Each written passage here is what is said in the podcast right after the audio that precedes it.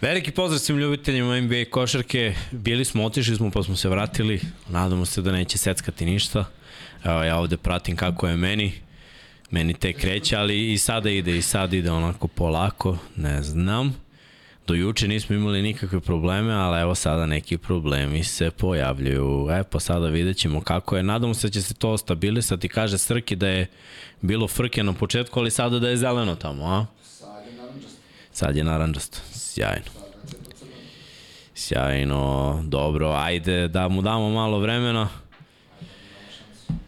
Da mu damo malo vremena pa da se zaleti.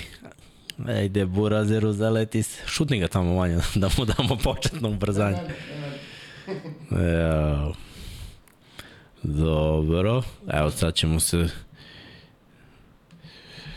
Uh, Srki nas pita šta je loše, zašto ovo, zašto ovo, ne znam. Nolo se. Mm. Gubi, a? Na, kom je, na koje boje, a? Ajde, pa, pa, Ajde, ajde, nadamo se da će sve da bude kako treba. Malo zeleno, malo crveno, malo žuto, svega, svega da bude. Pera, ideš? Odlaziš? Gde ćeš, bre? Koja je množina za taksi? Koja je množina za taksi? Množina za taksi, bre. Stvarno? Mučimo našeg grafičkog dizajnera koji je stvari 3D Jeste. animator. Taksi, jeste. Bravo. Još mi bilo blago da kažem taksi.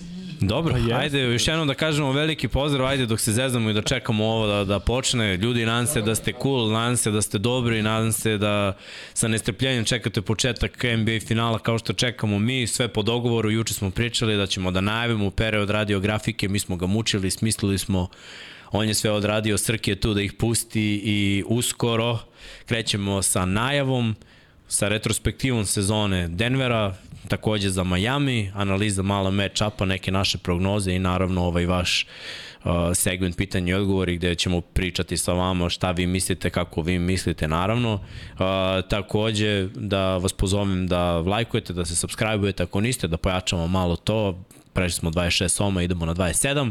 Čekirajte naš shop, ova maja koju ja nosim iz našeg shopa, 99 yardi, Lab 76, ima tu svašta. Uh, podržite nas na Patreonu, ako ste u mogućnosti postanite članovi i uh, naši svetioničari, a ako ste u fazonu da se igrate malo, da prognozirate i da zaradite mm -hmm. neki dinar, malo se kladite, tu je Admiral Bet da vas počasti nekim free betovima.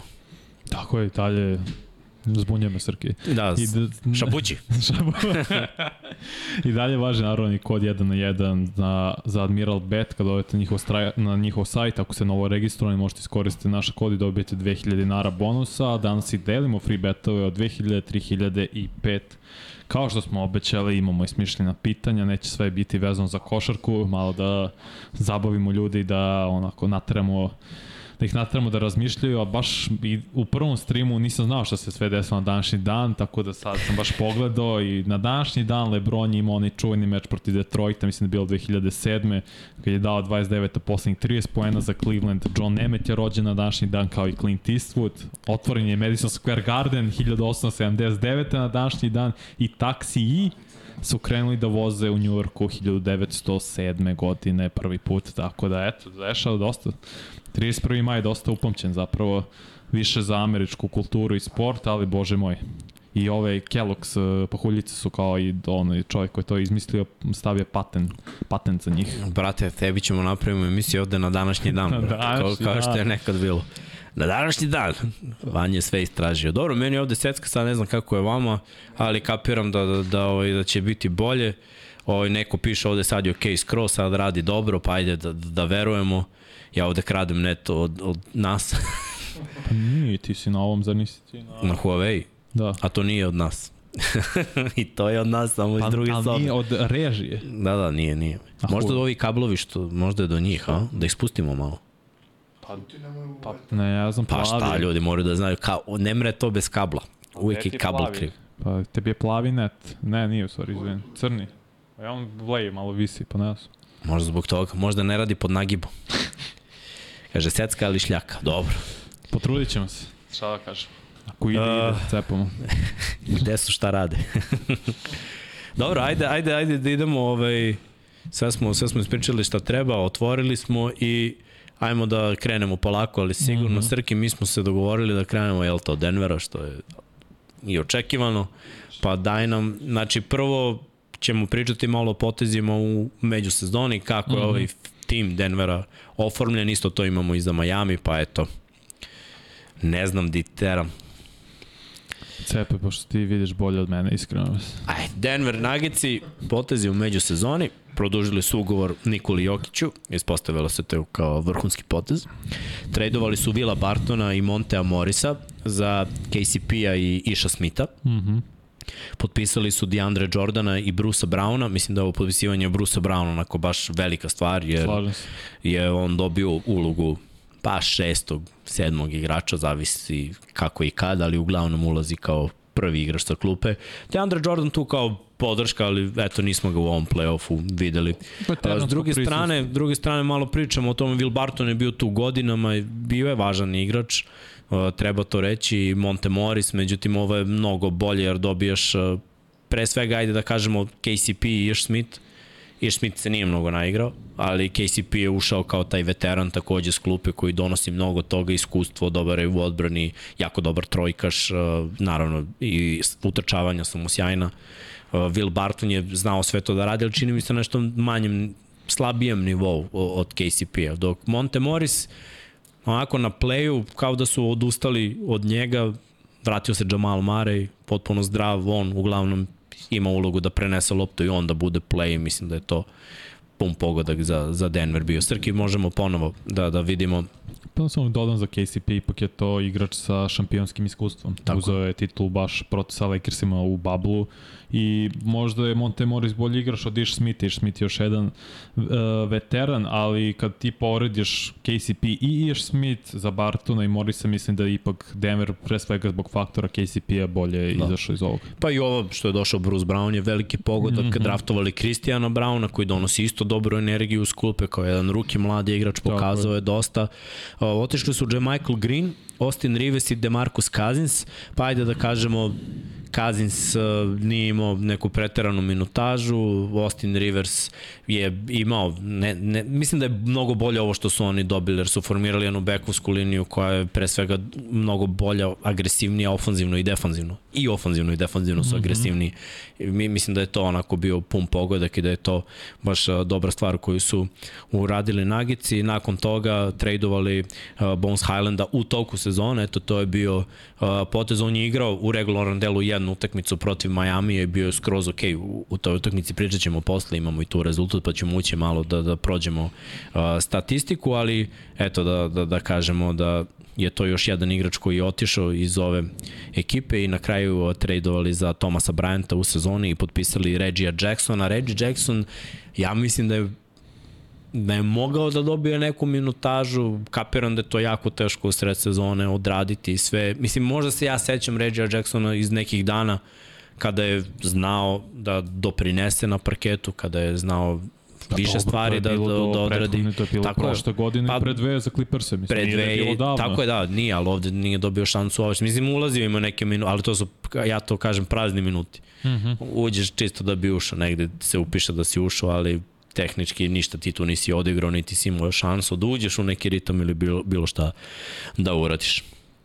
Ali dobro, eto vidim i vi ovde pišete da su dobri potezi, da su uglavnom uh, dobri potezi. Will Barton, eto, kaže Marko Simović, najveća rupa bio. Dobar je bio Will Barton, ali ovaj, da, ceo život mi prođe u nekim smetnjama. I opet, a? Nije.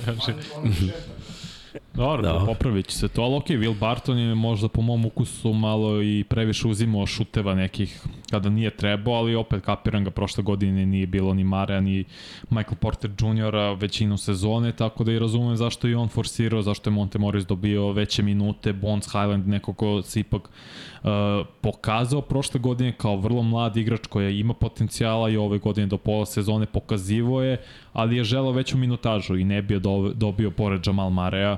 Mislim i kad pogledamo Denver, ono, čitave sezone maltene od polovine decembra su prvi na zapadu a od 25. decembra su top 8 tim u odbrani što se tiče defanzivnog rejtinga, što znači da pada u priču ta voda da Denver ne igra odbranu. Možda to bio slučaj prethodnih godina, ali ove godine većine sezone od kad su bili malte prvi na zapadu i do kraja sezone stvarno igraju i odbranu napad kao top 10 u obe kategorije, tako da s tog aspekta Denver je nekako našao svoj ritam koji je konstantan uz sistem Mike Malona najvažnija stvar jeste bilo za ovu sezonu to što su zdravi i Michael Porter Jr. i naravno uh, Jamal Murray I odmah se videla razlika. Iako možda se to ne vidi nužno u statistici tokom regularne sezone, jer ni Michael Porter Jr. ni Jamal Murray nisu beležili preko ono, 20 poena, pardon, Jamal Murray beleže 20 poena, Michael Porter 17, sad to je 37 poena koje su dodata Denveru, u poređenju pre dve godine kad ova dva igrača nisu bila tu, naravno kao igrači broj 2 i 3, u njihovom timu su dosta značili i videlo se ove godine tokom većine sezone koliko su zapravo faktor za Denver i mnogo su olakšali igru Jokića. Da, Jokić imao bolje brojke pr prošle sezone zato što tad njih dvojca nisu bili tu pa je on dosta i forsirao i bila je lopta mnogo više kod njega, ali za uspeh Denvera su neophodni bili i Mare i Porter. Iako ni jedan ni drugi nisu zvanično all-star igrači, ali Jamal Mare je sigurno top 10 playmaker u NBA-u. Po kako igra sad u play-offu to i pokazao. No, u play-offu je izgrmeo. Uh, dobro, ajde da idemo dalje. Prvo ćemo proći Denver, sve, sve što smo spremili za Denver. Ovo su bili potezi koji su napravljeni, a ajde da pogledamo dalje. To je timska statistika u toku sezone, u toku regularnog dela sezone.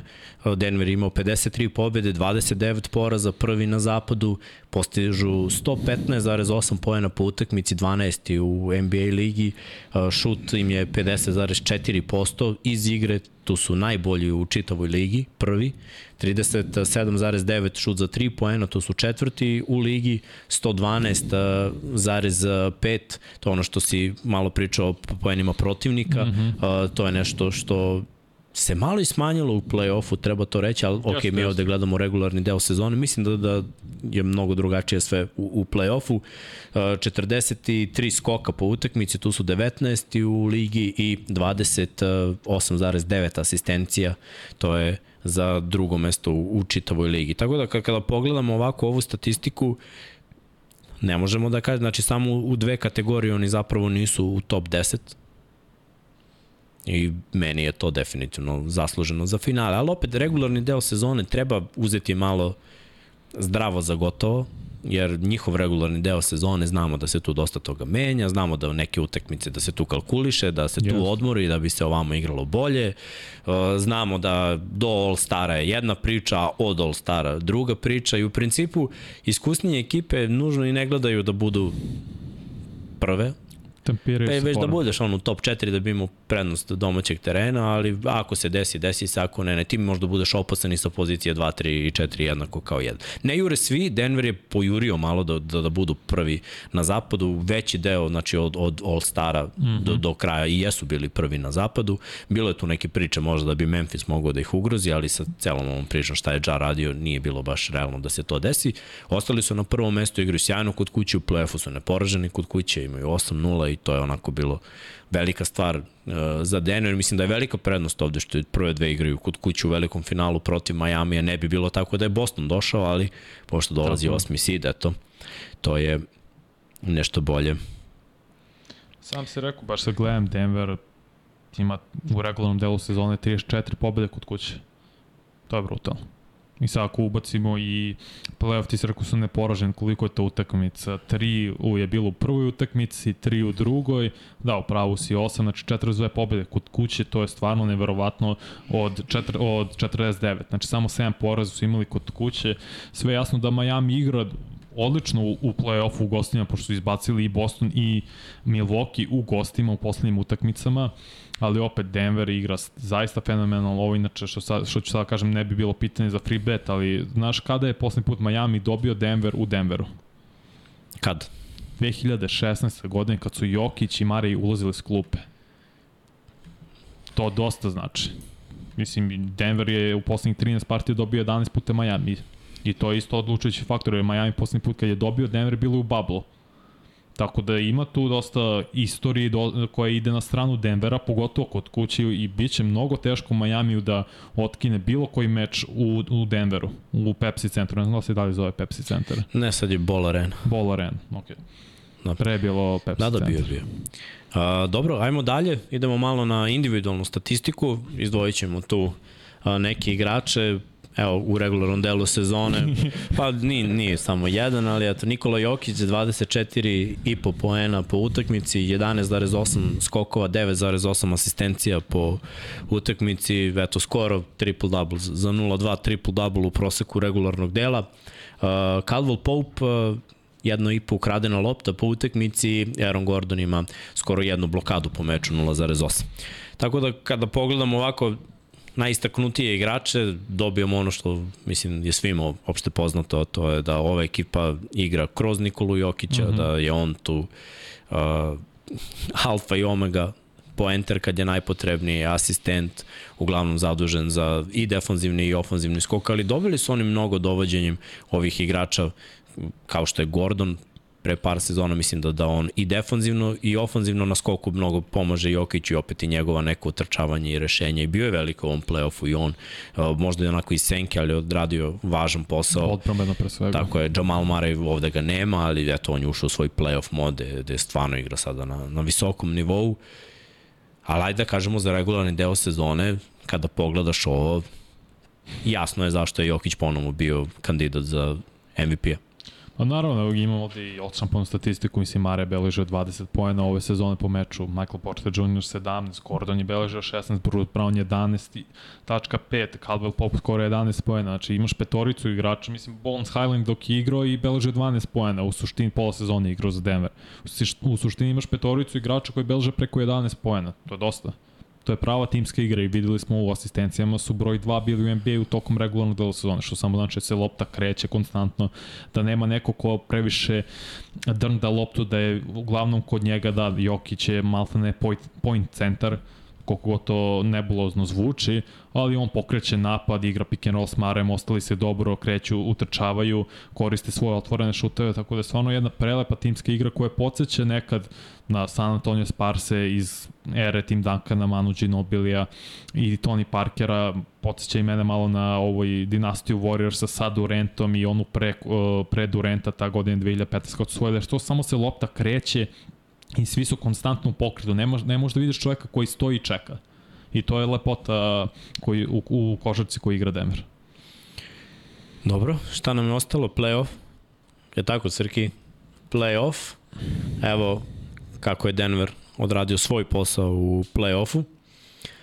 U četvrtini finale ili u prvoj rundi playoffa protiv Minnesota nije bilo mnogo problema za, za Denver, rešili su ovo prilično lako. 4-1 protiv Phoenix Sunsa u polufinalu zapada, 4-2 takođe prilično lako, dobili su dve, pa su izgubili dve, ali eto, mm -hmm. na domaćem terenu nije bilo problema i onda su na gostujućem terenu rešili seriju. Uh, što se tiče finala zapada, očistili su Los Angeles Lakers, to je možda bilo neočekivano da će s tom lakoćom rešiti, ali eto i, i tu su uspeli samo tri poraza u celom play-offu do sada, kod kuće u Ball Areni imaju 8-0 i prve dve utakmice finala igraće kod kuće, jedna je četvrtak na petak, pa nedelja na ponedeljak. Prvo 2 i 30 četvrtak na petak, pa u 2 ujutru u noć između nedelje i ponedeljka. Ja ti se više sviđa da što da prekljeni format NBA finala kad je bilo 2-3-2? Ne. Ne. Ili ti je više ovo, ne, ovo 2-2-1-1-1? Ovo mi, ovo mi je okej. Okay. Meni je imalo to draž 2-3-2, da što je nezgodno. Stavljaš sav pritisak na domaći tim, ako izgube jedno, onda imaš tri naredne u gostima. Pa dobro, meni je cool ovo. Ovo mi je cool i ovo mi je fair. Opet mm -hmm. dobije domaći tim jednu, jednu više, ali onako da i malo se šeta, imaju tri dana bre između, znači nije Matne ništa strašno. svake utakmice, da. Tako je, od četvrtka do nedelje, nedelja sreda, pa opet tako da imaju dovoljno vremena, ali lepo je videti Denver da ovako sigurno igraju kod kuće. Uh, bilo je tu stani pani u nekim utakmicama da nije bilo baš sve savršeno, ali uspevali su i te utakmice koje dominiraju sa velikim brojem postignutih poena da dobiju, pa utakmice u kojima gube, da okrenu rezultat, te neke teške utakmice takođe da reše u svoju korist. Bilo je tu prelepih akcija, bilo je izmišljeni koševa, mislim, i kada gledamo I Miami i Denver ove godine u nekim pobedama moraš da izmisliš, mora neka najbolji igrač da preuzme odgovornost i da da neki težak šut, da povuče neki potes koji nije baš, a da nije akcija tako nacrtana. Ali malo improvizacije i, i to mora da se desi. Denver je sve odradio. Defanzivno su me stvarno iznenadili u ovom play-offu. Mislim da, da su odigrali iznad očekivanja i iskreno ofanzivno uh, rekao bih da, da je Marej od Jokića sam očekivao da bude na triple-double u proseku, on je to ispunio. Mare baš me iznenadio jer je konstantan. Bilo je tu nekih padova u igri gde je imao loš šut, ali vraćao se na kraju utakmice, ekipa ver, verovala u njega. On je verovao sam u sebe, mislim, to samo je. pouzdanje ga je i vuklo da ima neke jako dobre brojeve u ovom play-offu i ajde da kažemo, apsolutno zasluženo, Denver Nuggetsi dolaze do finala, prošli su zapad na zapadu, dosta povreda, dosta ekipa koje su sklepane tek tako. E, Nije, nijedna, igra, nijedna ekipa ne igra lepo kao Denver na zapadu.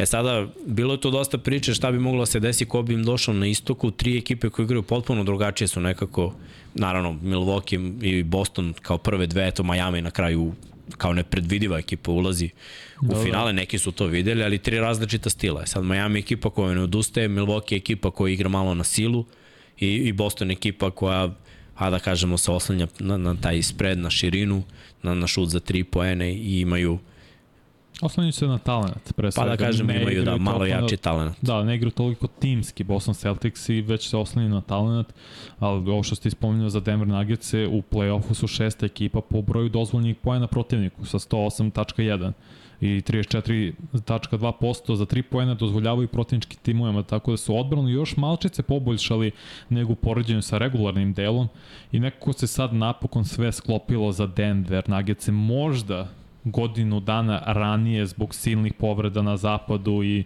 svega šta se dešavalo, što si rekao, timovi se sklopili na boom, Durant i Suns i Lakers i Maltenec, čitav tim obnovili u februaru, tako da možda ono godinu dana ranije, e, ali iskoristiš priliku kada ti se pruža. I to Denver Nuggets i, i dominantno su to uradili. Bile su neizvesne utakmice protiv Lakersa, 3 od 4 sigurno, ali su na kraju oni rešili. Nisu, nije, Jeste, nisu a- Lakersi grešni, nego je Denver rešio te utakmice. Nismo imali do duše situaciju, a zato hoću da pročitam ovo pitanje. Pitanje za obojicu, šta mislite ako Denver izgubi domaći teren, ode se u Miami sa 1-1 ili krenu sa porazom, da li će se snaći pod pritiskom s obzirom da do sada nisu imali u play-offu? Rezultatski, ni, oni su u jednoj utakmici bili pod pritiskom. Ali zapravo ni u jednoj seriji nisu bili pod pritiskom, ako razumeš šta Da, hoću da. da. kažem. Miami je već bio sateran u ćošak ovde sa, sa ovim 3-3. 3-0, 3-3 i mora da dobiješ na gostovanju. Tu su malo prošli, ali nisam siguran da je to, uh, opet, oni su prošli godinama već kroz playoff eliminaciju. Bilo je utakmica broj 7, bile su te napete serije, a ove godine, ako pogledamo ovaj tim, bilo je u svakoj utakmici malo stani pani. Ni, nisu bili, naravno, nisu bili u situaciji. Ne mogu da kažem da li će i šta će, ne znam. Ni, nisam vidovit, ali nekako mi djeluje da kao ekipa, ako igraju svoju košarku, ako ne upadnu mm -hmm. u tuđi ritam, spremni su i kadri su sve da premoste. Pritom, u play-offu im je statistika mnogo bolja nego u regularnom delu, gube manje lopti, postižu više poena i bolje igraju odbranu. Znači, ako pogledamo statistički, trebalo bi da, da budu više ujedinjeni i, i, i da igraju na višem nivou u finalu. Pritom dve utakmice kod kuće. Nema boljeg načina da otvoriš nego pred svojom publikom kod kuće. A tako i Miami nije da nije gubio kod kuće. Gubili su od Bostona i utakmici broj 4, u utakmici broj 6, tako da nije Miami nepobediv kod kuće da sad to bude značajna prednost što se tiče ove finalne serije. Može Denver da pobedi u Majamiju mnogo lakše nego što će Miami pobediti u Denveru. I to smo ispomenuli. Denver je Miami poslednji put pobedio, Denver 2016 u Denveru. Tako da, je to ve, velika razlika i bit će teško Majamiju na dva dana pauze da idu na nadmorsku visinu u Denveru i da pruže u prvom meču odličnu partiju. Da. Nije nemoguće, ali mislim da će biti izuzetno teško. Ajde da prođemo, da ok, Miami ima svoje promene, ajde da prođemo sve ovo što smo prošli za Denver i za njih, pa ćemo onda da pričamo u dve utakmice koje su odigrane mm -hmm. ove godine u regularnom delu, a onda da se bacimo na to Sad. šta bi Izmišljam. bilo, kad bi bilo, može, ajde. Ajde. Ajde, Srki, si spremio hemijsku? Ajde, znači prvi free bet, prvo pitanje za Admiral Bet free bet od 2000 dinara glasi, promenio sam inače pitanje. Koliko puta su Chauncey Billups i Reggie Miller igrali finala konferencije u svojoj karijeri? Znači, i, i broj x finala za Chauncey Billupsa, finala konferencije, x broj finala konferencija za Reggie Miller. Sad ćeš i mene da iznenadiš.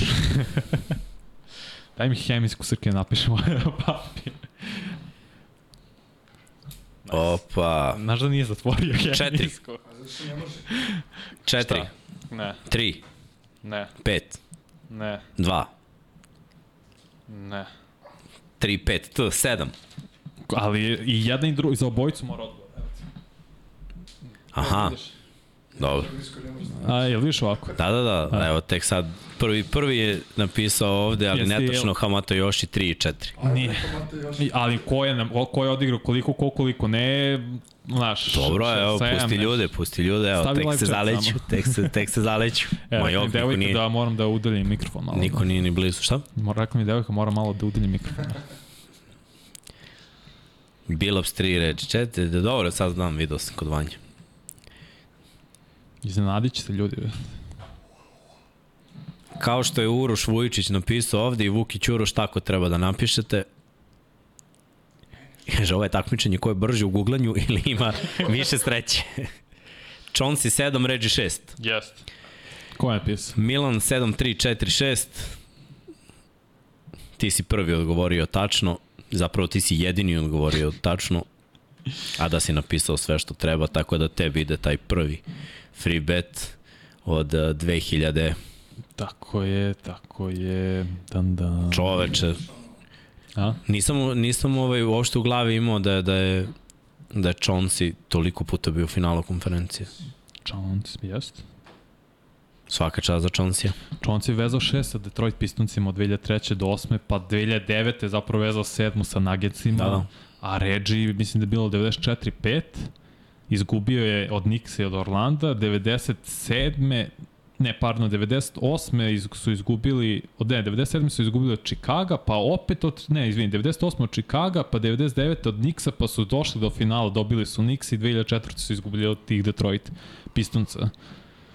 Tako da da, eto, mislim, to su veliki, veliki igrači, znaš, ko dođeš toliko puta do finala konferencije na prag NBA finala i ne uspeš, dođeš samo par puta do samog finala. Kažu da si mnogo teško pitanje dao. Pa dobro, Kaže, ako je ovo najlakši free bet, onda dobro. da vidite šta vam je spremljio za 5000, čuo sam. da, to neću menjati. Da. Google mora da radi, šta ćete? Ako E, vam radi net ovde pa kao da. naš stream, onda ste ga najbolji. Telo je pitanje, telo sam bude prvo pitanje za Karima Abdul-Jabara, to je koji je igrao najviše finala konferencije, on je igrao 13, pa sa ovo poklopljenih dvojica odigrali isti broj kao jedan Karim, ali bolje ovako da ljudi malo u, nauče nešto novo u NBA istoriji, koliko je teško, te koliko su ti bili veliki igrači i timovi da dođeš do finala konferencija. No. No. Nije to uopšte bilo lako. Evo, ja sam naučio nešto. Iskreno, nisam mislio da je ovoliko baš bilo. Znaš šta, Srki, puštaj Miami da vidimo njihove poteze u off-seasonu. Oni su produžili ugovore uh, Tyleru Hero, Viktoru Oladipu i Calebo Martinu. Uh, Hero se umeđu vremenu povredio kao i Oladipo u finišu sezone u play-offu, ali Caleb Martin se isplatio i onako jako baš s obzirom da je konstantan u čitavom play-offu, a ovoj finalnoj seriji je dečko baš odradio posao na visokom nivou. Možda se vrati Hero za treći meč, to je spekulacija. Da, to ćemo tek da vidimo. Draftovali su Nikolu Jovića, Mora staviti. Ako. Nažalost i on se povredio pa nije mogao da dobije veću minutažu. Ko zna, možda je, možda smo mogli da ga vidimo malo u više minuta, u više utakmica pa bi i, i znali da li može da doprinese da uđe u rotaciju ovako teška priča. Otešli su Markif Morris i PG Tucker. Morris uh, koji je onako korektan Veteran.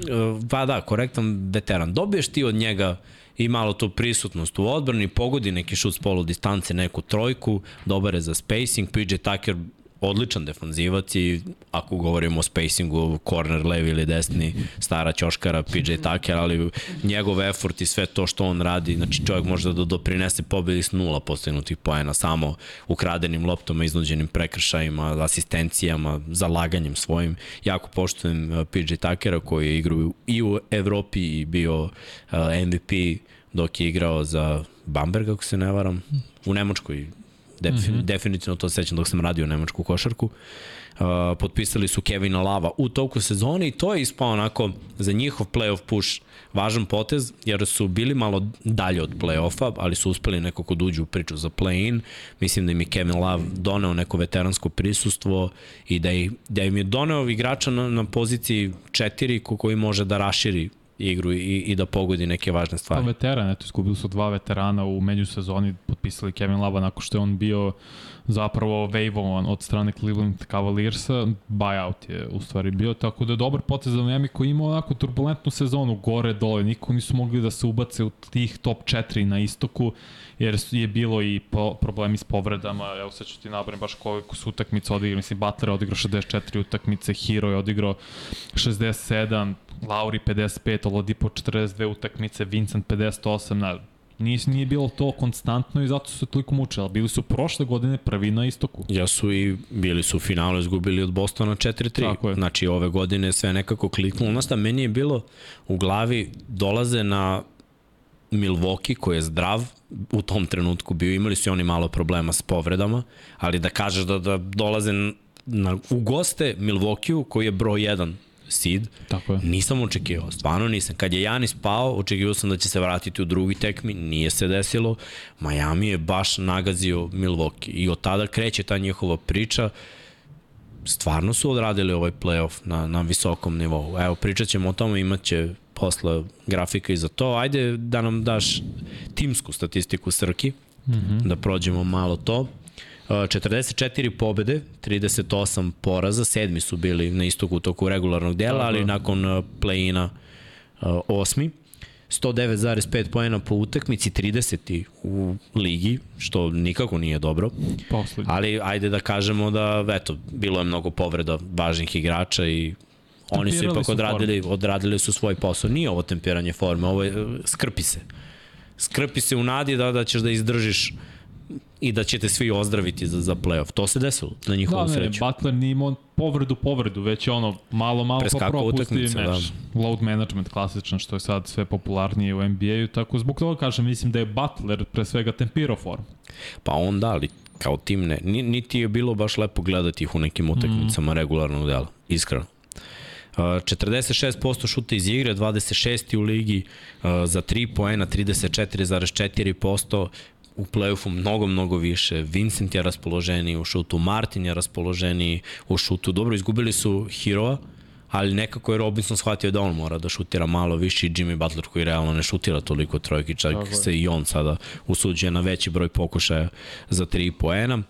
Što se tiče uh, protivnika, 109,8 poena dozvoljavaju, što je drugi rezultat u čitavoj ligi, ali i ta odbrana je postala mnogo, mnogo bolje i ta famozna zona koju su postavili Bostonu, vidjet ćemo, ja mislim da, da protiv Denvera se to neće isplatiti, ako budu igrali tako, ali kad igraju čoveka u odbrani definitivno imaju igrače koji mogu da pariraju. Eto, ta neka moja sumnja za ovaj matchup eventualno ta prava petica, mislim da je Debajo znatno niži od Jokića i yes. da ima manje kila i da može da bude uguran ako nema adekvatnu pomoć, ako neko pomogne, neko je sam, mislim, i, i to je možda prednost mala uh, za Denver. Neće moći da igraju zonu Miami Heat, zato što je Denver najbolji tim protiv zona, Tako jer postižu 1.2 poena po posedu na zonu pa sad ti vidi kako to funkcioniše, nisi najbolji tim protiv zone i to je s razlogom, ipak i Nikola Jokić je toliko puta igrao protiv zone u Evropi Just. i odrastu u tim sistemima, tako da će Miami morati da pronaći drugu formulu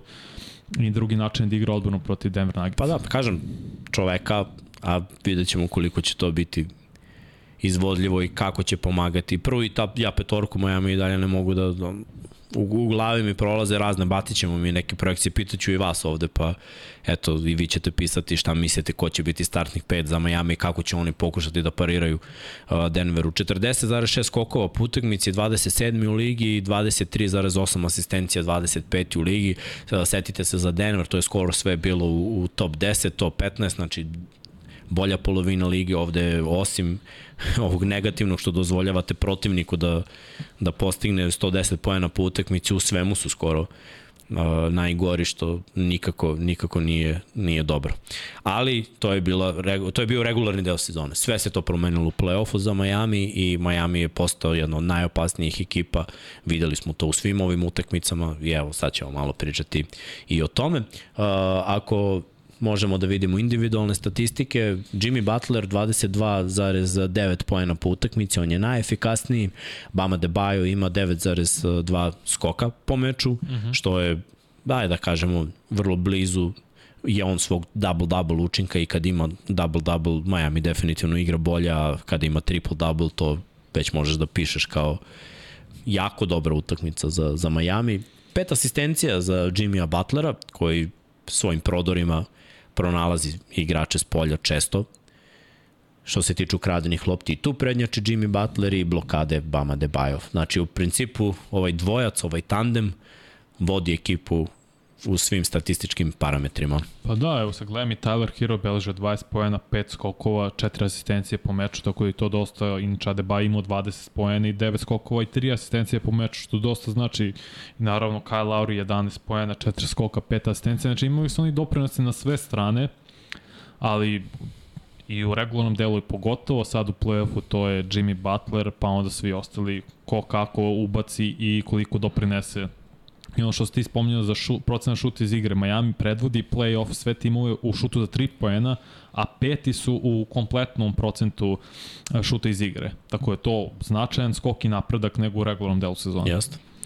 Mnogo, jedni i drugi, pazi koliko je dobro, jedni i drugi su u finalu i jedni i drugi su baš pojačali i tempo i procente mm -hmm. šuta i odbranu intenzitet, zalaganje, sve im je nekako 10 puta bolje u play-offu, što je i poenta tog play-offa, ne snimaju Amerikanci uzalo da one reklame play-off mod, ove dve ekipe su stvarno u play-off modu. Srki, idemo dalje, idemo na sledeću grafiku, a to je Miami hit u play-offu, bili su osmi na istoku nakon play-ina, Znači, poslednje mesto... Tako i oni su izgubili, to napomenem, izgubili su od Atlante u prvom meču i mučili su sa Chicago Bullsima do 3 minuta do kraja, da smo, ja sam mislio da će ispasti.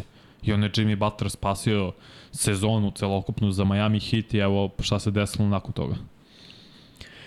Četvrtina finala ili prvo kolo protiv Milwaukee Bucksa 4-1, polufinale protiv New York Knicksa 4-2, tu smo ih izabrali da, da će proći mm -hmm. nakon što su nas šokirali i izbacili Milwaukee i onda u finalu protiv Boston Celticsa poveli 3-0, Boston izjednačio na ne dire klimu 3-3, obuci se, obuci se, ne zanima. Ne mogu, daj mi drug. Inače, znam kako se hemijska da. dole. Eto, ljudi isključiše mi, ne radi, ne radi net, oni mi gase klimu. A minuta ponovno. Dobro, aj, 10. I na kraju, eto, rešiše, rešiše i Boston. Da, da, Tako kako da... ide trend. Je, izgubili su jedno, izgubili su dve, izgubili su tri, sad je vreme da izgube četiri.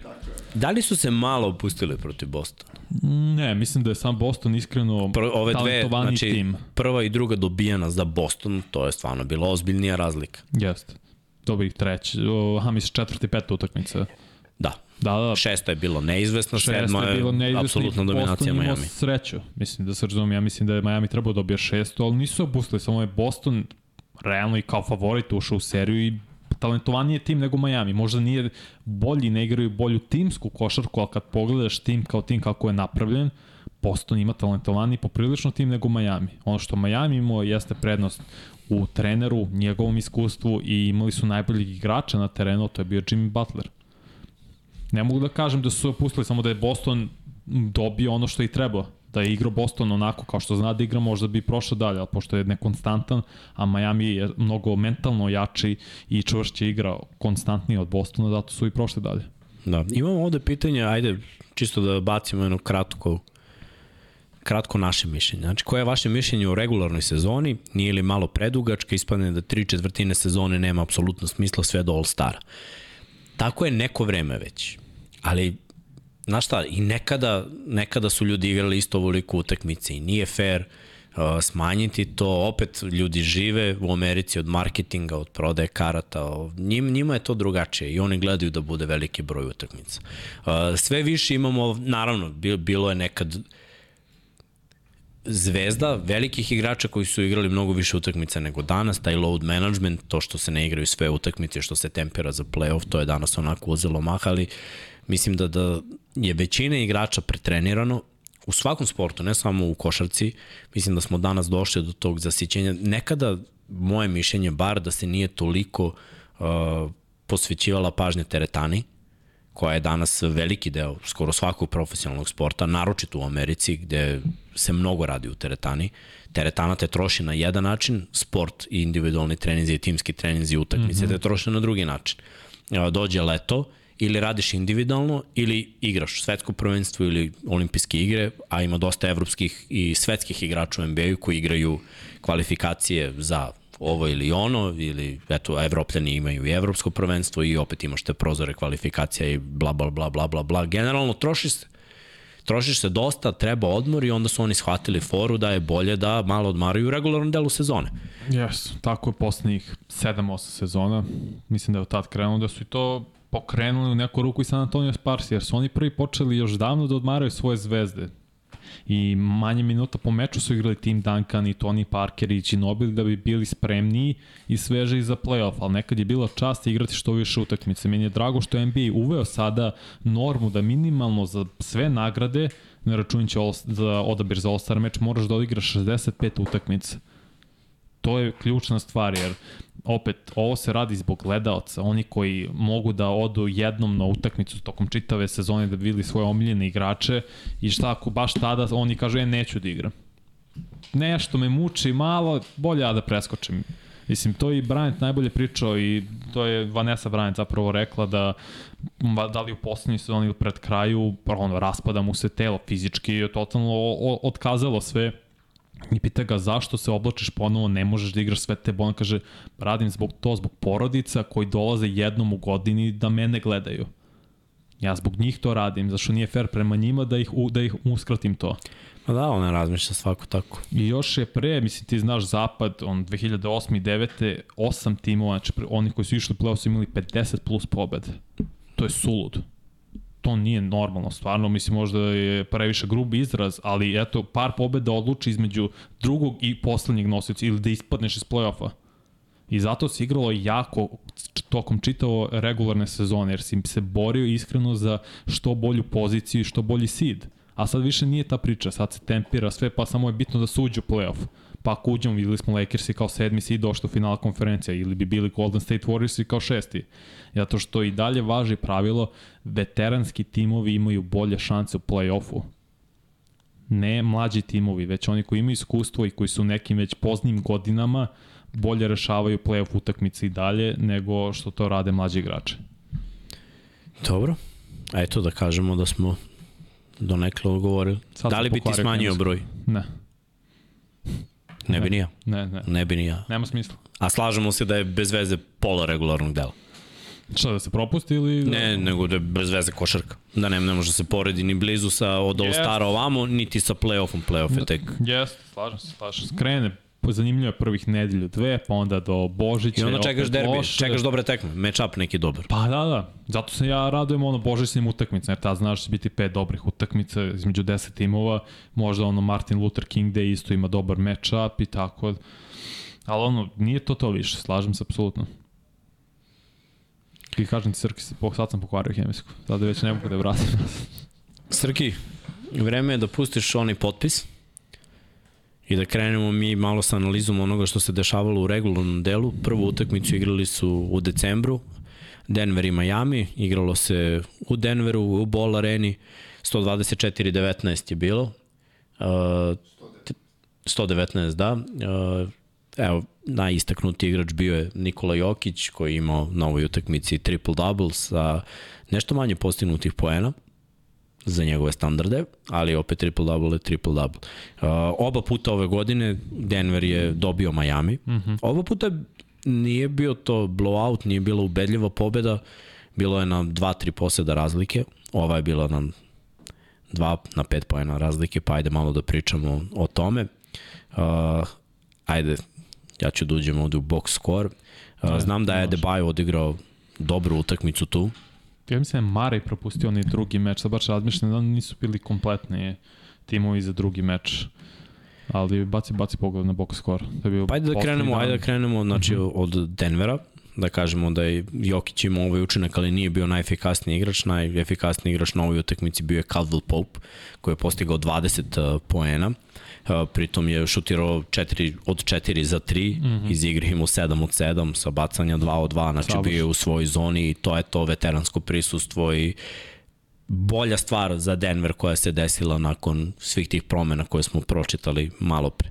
Mislim da da je Calvo Pope doneo nešto. Uh, 6-7 startera u obe utakmice za Denver – sa dvocifrenim učinkom. I to je velika stvar. Znači Jokić 19, Caldwell Pope 20, Highland koji je otišao, imao je 16, Čančar imao 15, koji ni ne igra u ovom playoffu, Brown je imao 13, Porter Junior je imao 10, Gordon je imao 11 i Jamal Murray je imao 14.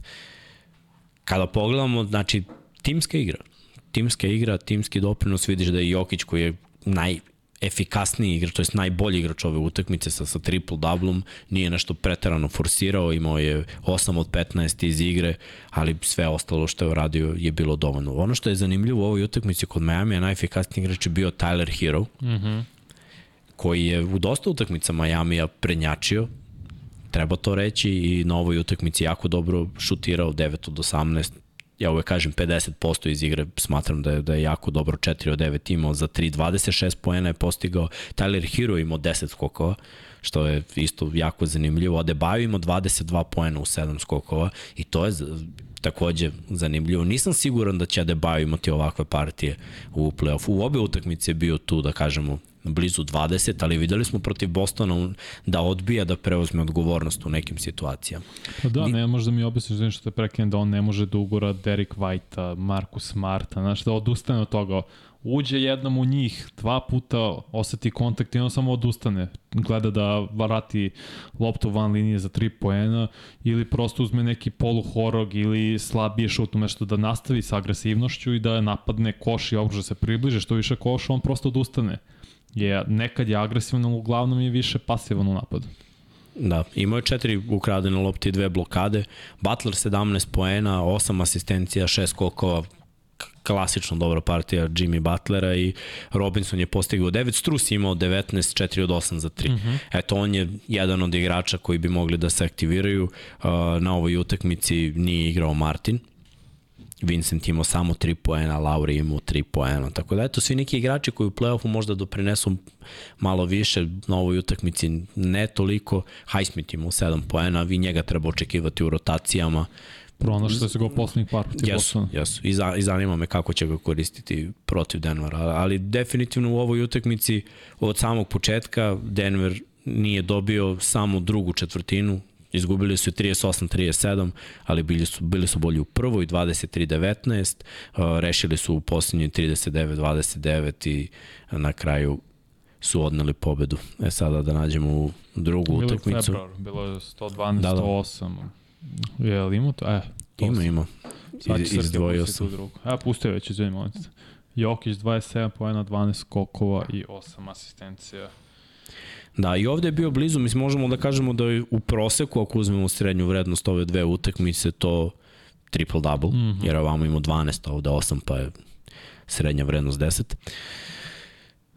I, I to je ono što ja verujem da će se preneti u ovaj playoff, jer on u playoffu već ima triple-double i iskreno ja ne vidim kako Miami, čak i tim udvajanjem, njemu otvaraju najbolji deo njegove igre, to je ta nesebičnost i mogućnost da asistira. Tako da njegovi saigrači mogu da dođu do izražaja više ako bude udvojen, ako bude rešavao jedan na jedan, stvarno mislim da nemaju adekvatnog čuvara. To je sad pitanje Čak za Miami. Kako će, Čak da li će biti udvajanje ili će ići jedan na jedan? Evo sad gledam brojke Jokić prema što kreneš za tom meču, vezano za čitav playoff. U prvoj rundi 26 poena, 12 skokova, 9 asistencija. U drugoj rundi 35 skoro poena, 13 skokova, 10 asistencija. I, i u finalu konferencije 28 poena, skoro 15 skokova, 12 asistencija u proseku. To je sulud. Da, da. To je igra, igra, igra nerealno.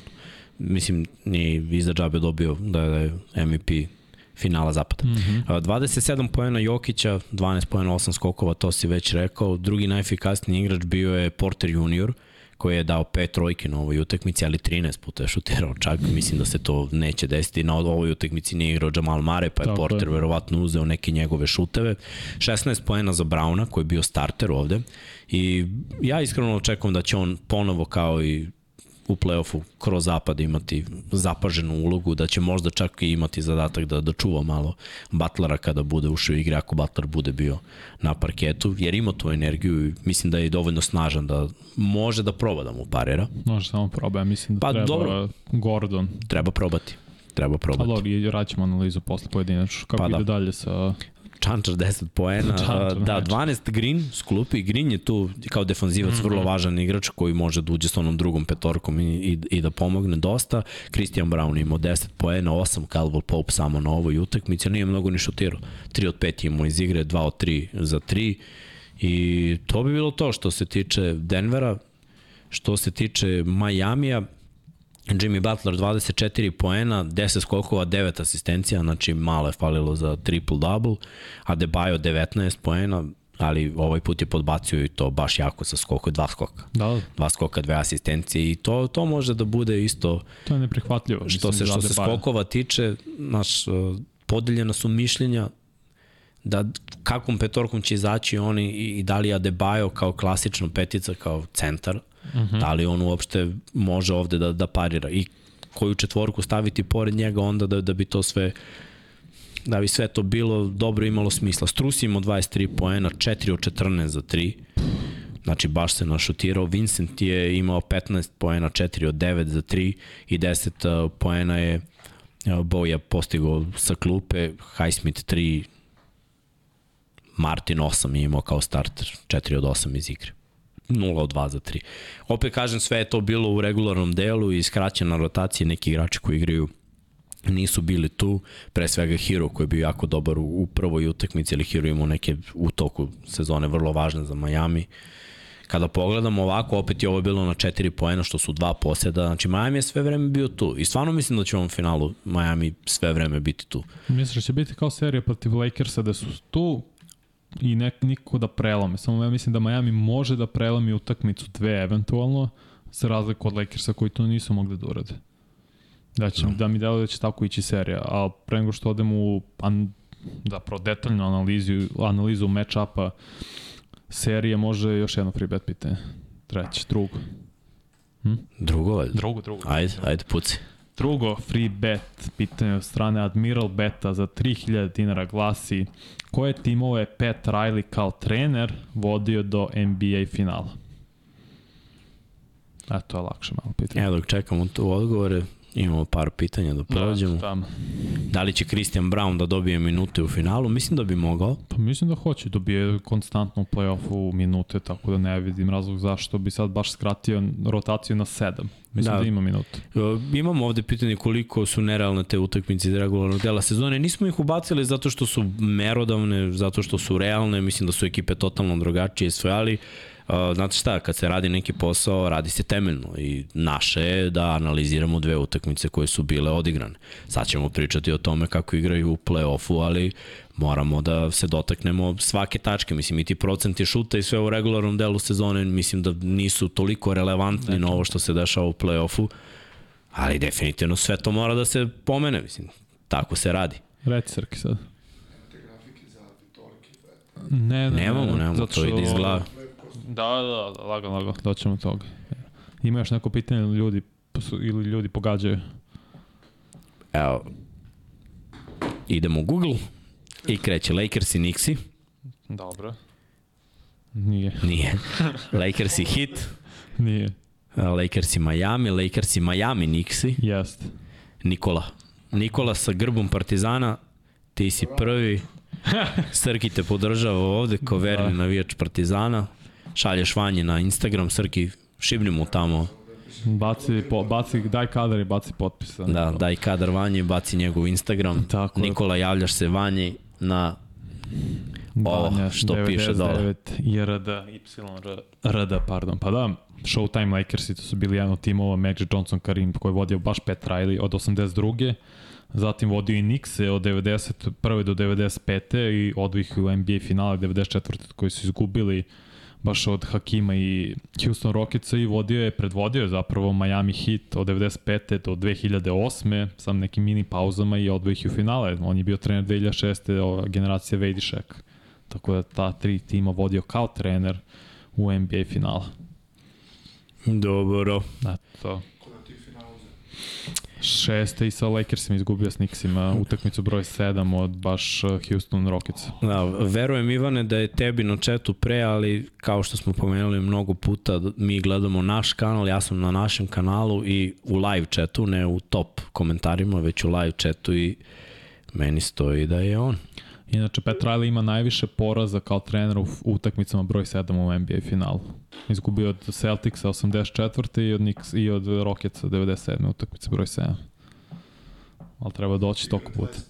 25%. pa zato je on kum. Nada ima Godfather s razlogom. Doktor, čovjek, stvarno neverovatan. Tako Ima da, tu, ne, stvarno ne znam kako to funkcioniše, ali eto, verujte mi, nema, nema apsolutno nikakvog razloga bilo kome da dodelima da nije šta više, nisi odmah ni ispod njega, nego Evo sad ću da vam kažem, Bojan Radosavljević je netočno govorio Lakers i Knicks i pa Expinium, Lakers, Knicks hit i onda ti Lakers, New York, Miami, ali Nikola sa grbom Partizana kao svojom Javis. slikom je prvi. A, dobro, ajde ovako da vidim da vidim šta ovde ljudi pišu. Dobro, nije pitanje. Ajde, ajde da krenemo mi malo da pričamo o tome šta bi mogli da vidimo u noći između četvrtka i petka. Inače, obećao sam Luki i Kuzmi da će se to gledati ovde u live-u, tako da neko je ovde pisao da li ćemo mi, mi nećemo, mislim da se nama taj eksperiment nije uh, isplatio. Da, možemo da streamujemo na oba kanala istovremeno, što da ne, odradili bi to, ali pošto ne možemo, eto, bit ću ja tu svakako kada se bude gledala utakmica, to ne propuštam, a ovaj, gledat ćemo uživo i nadam se da se nećemo mnogo nervirati. Pola tri. Pola tri. Ne, ne, ne Ne, sutra. sutra. Četvrtak na petak. Uh, ajmo Vanja, Reci. da li da postavimo ovde pol možda, mogao bih. Ali šta? Ajde ovako, da li možemo i ti i ja Dobro. da sklopimo petorku i da budemo ono sigurni četiri igrača od tih pet da će biti. Pa za tog petog da napravimo pol od kojih Aha. igrača bi moglo da se bira. Pa mo, mislim, ja mislim za Denver i znamo petorku. Mislim da ostaje Misliš da Jamal. Jokić, Gordon, Tako je. Porter, KCP, i Jamal. Jamal. To je siguran petorka. Ajde da pitamo ljude da li se slažete. Mislim, kažete, Jamal, KCP, Michael Porter Jr., Aaron Gordon i Nikola Jokić, to je sigurno petorka Denver Nuggets, samo je pitanje šta će Miami da radi, kako će da parira toj petorci. Jer pre svega mi kad vidimo neke kombinacije koje su bile što se tiče Miami hita, to je bilo i Strus, i Caleb Martin, i Vincent, i Butler, i Adebayo u petorci, u startnoj petorci. Baš protiv Boston Celticsa. To je malo niska petorka za Denver Nuggets. Zašto? Jer ti sad kad podelimo uloge, Vincent, da kažemo Marej, KCP, Strus, zatim Caleb Martin, šta, Michael Porter Jr., Aaron Gordon, Jimmy Butler i Adebayo Jokić. Mislim, Denver tu ima znatnu, značajnu prednost u skoku, pre svega. I čak nisu ni, Miami Heat nije ni brža ekipa, niti ima više atleticizma sa tom petorkom, tom nižom petorkom, zato što je Aaron Gordon vrhunski atleta, mislim da će on čuvati i ići većinu slučaja na Jimmy Butler kao što je išao i na Kevin Duranta i na LeBron Jamesa. Zatim Michael Porter Jr. isto nevjerovatan atleta sa svojih 2.08. Njega treba čuva Caleb Martin koji je koliko? Možda ima 2 metra, ali nisam siguran, iskreno. Možda ima više nagnjika od 195-6, ali nek neko proviri, nek napiše. To je isto mismatch za Denver potencijalni. Jokić je značajno viši od... Aha. Evo, pišu ljudi, pa da vidimo, ajde da analiziramo svaku. Uh, Marko Lazić piše Butler, Adebayo, Martin, Strus i Lauri. Lauri je počinio s klupe protiv Bostona. Jeste, što znači bi Vincent počeo sad s klupe, a mislim da to i nije formula za Miami. Old school kaže Vincent Martin, Strus, Butler, Adebayo. Znači, upravo ta promena da Lauri kreće s klupe, a da Vincent bude startni play. Dobro. Ja mislim da mora Kevin Love umesto Strusa. Ili umesto Da bi Martina. imali veličinu da pariraju. Tako je. Zato što u skoku pre svega Lav je odličan, elitni skakač nekada bio i dalje je sad vrlo dobar i treba ti i zbog fizičkog prisustva tu. Jer ne možeš, teško je da ne da blokiraš, nego da sam mislio mozak, kako se to kaže, da zagradiš i Gordona i Michael Porter Jr. i Jokića, koji će ići na skokove. Jači su, fizikalni su i atlete su, nisu, kaže, opet Miami nije brži u ovoj manjoj petorci. KCP i Strus, to, to ti isto malo ne, mislim da je Jamal Murray veći od Vincenta i fizički jači. Da, to će evo. biti mismatch potencijalno.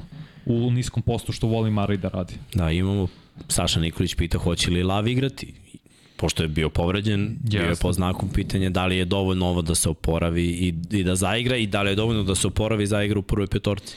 Ne znam. Mislim, Struc je u malom padu forme. Jeste, tako, kako, je, kako je bilo u prvoj seriji, na početku play-offa i ovo protiv Majamija, mislim, Vincent i Martin su izvukli to. Nisam siguran da je Struz bio na baš visoko, mada imao je sad neke pogođene trojke ovaj. Poslednje mu ga je dao baš. Mislim da ga je malo pogodilo što je zaspao i što je pustio White-a da mu se prišunji za leđi dao onaj koš. Uh, Adebayo, Love, Butler, Martin, Lauri.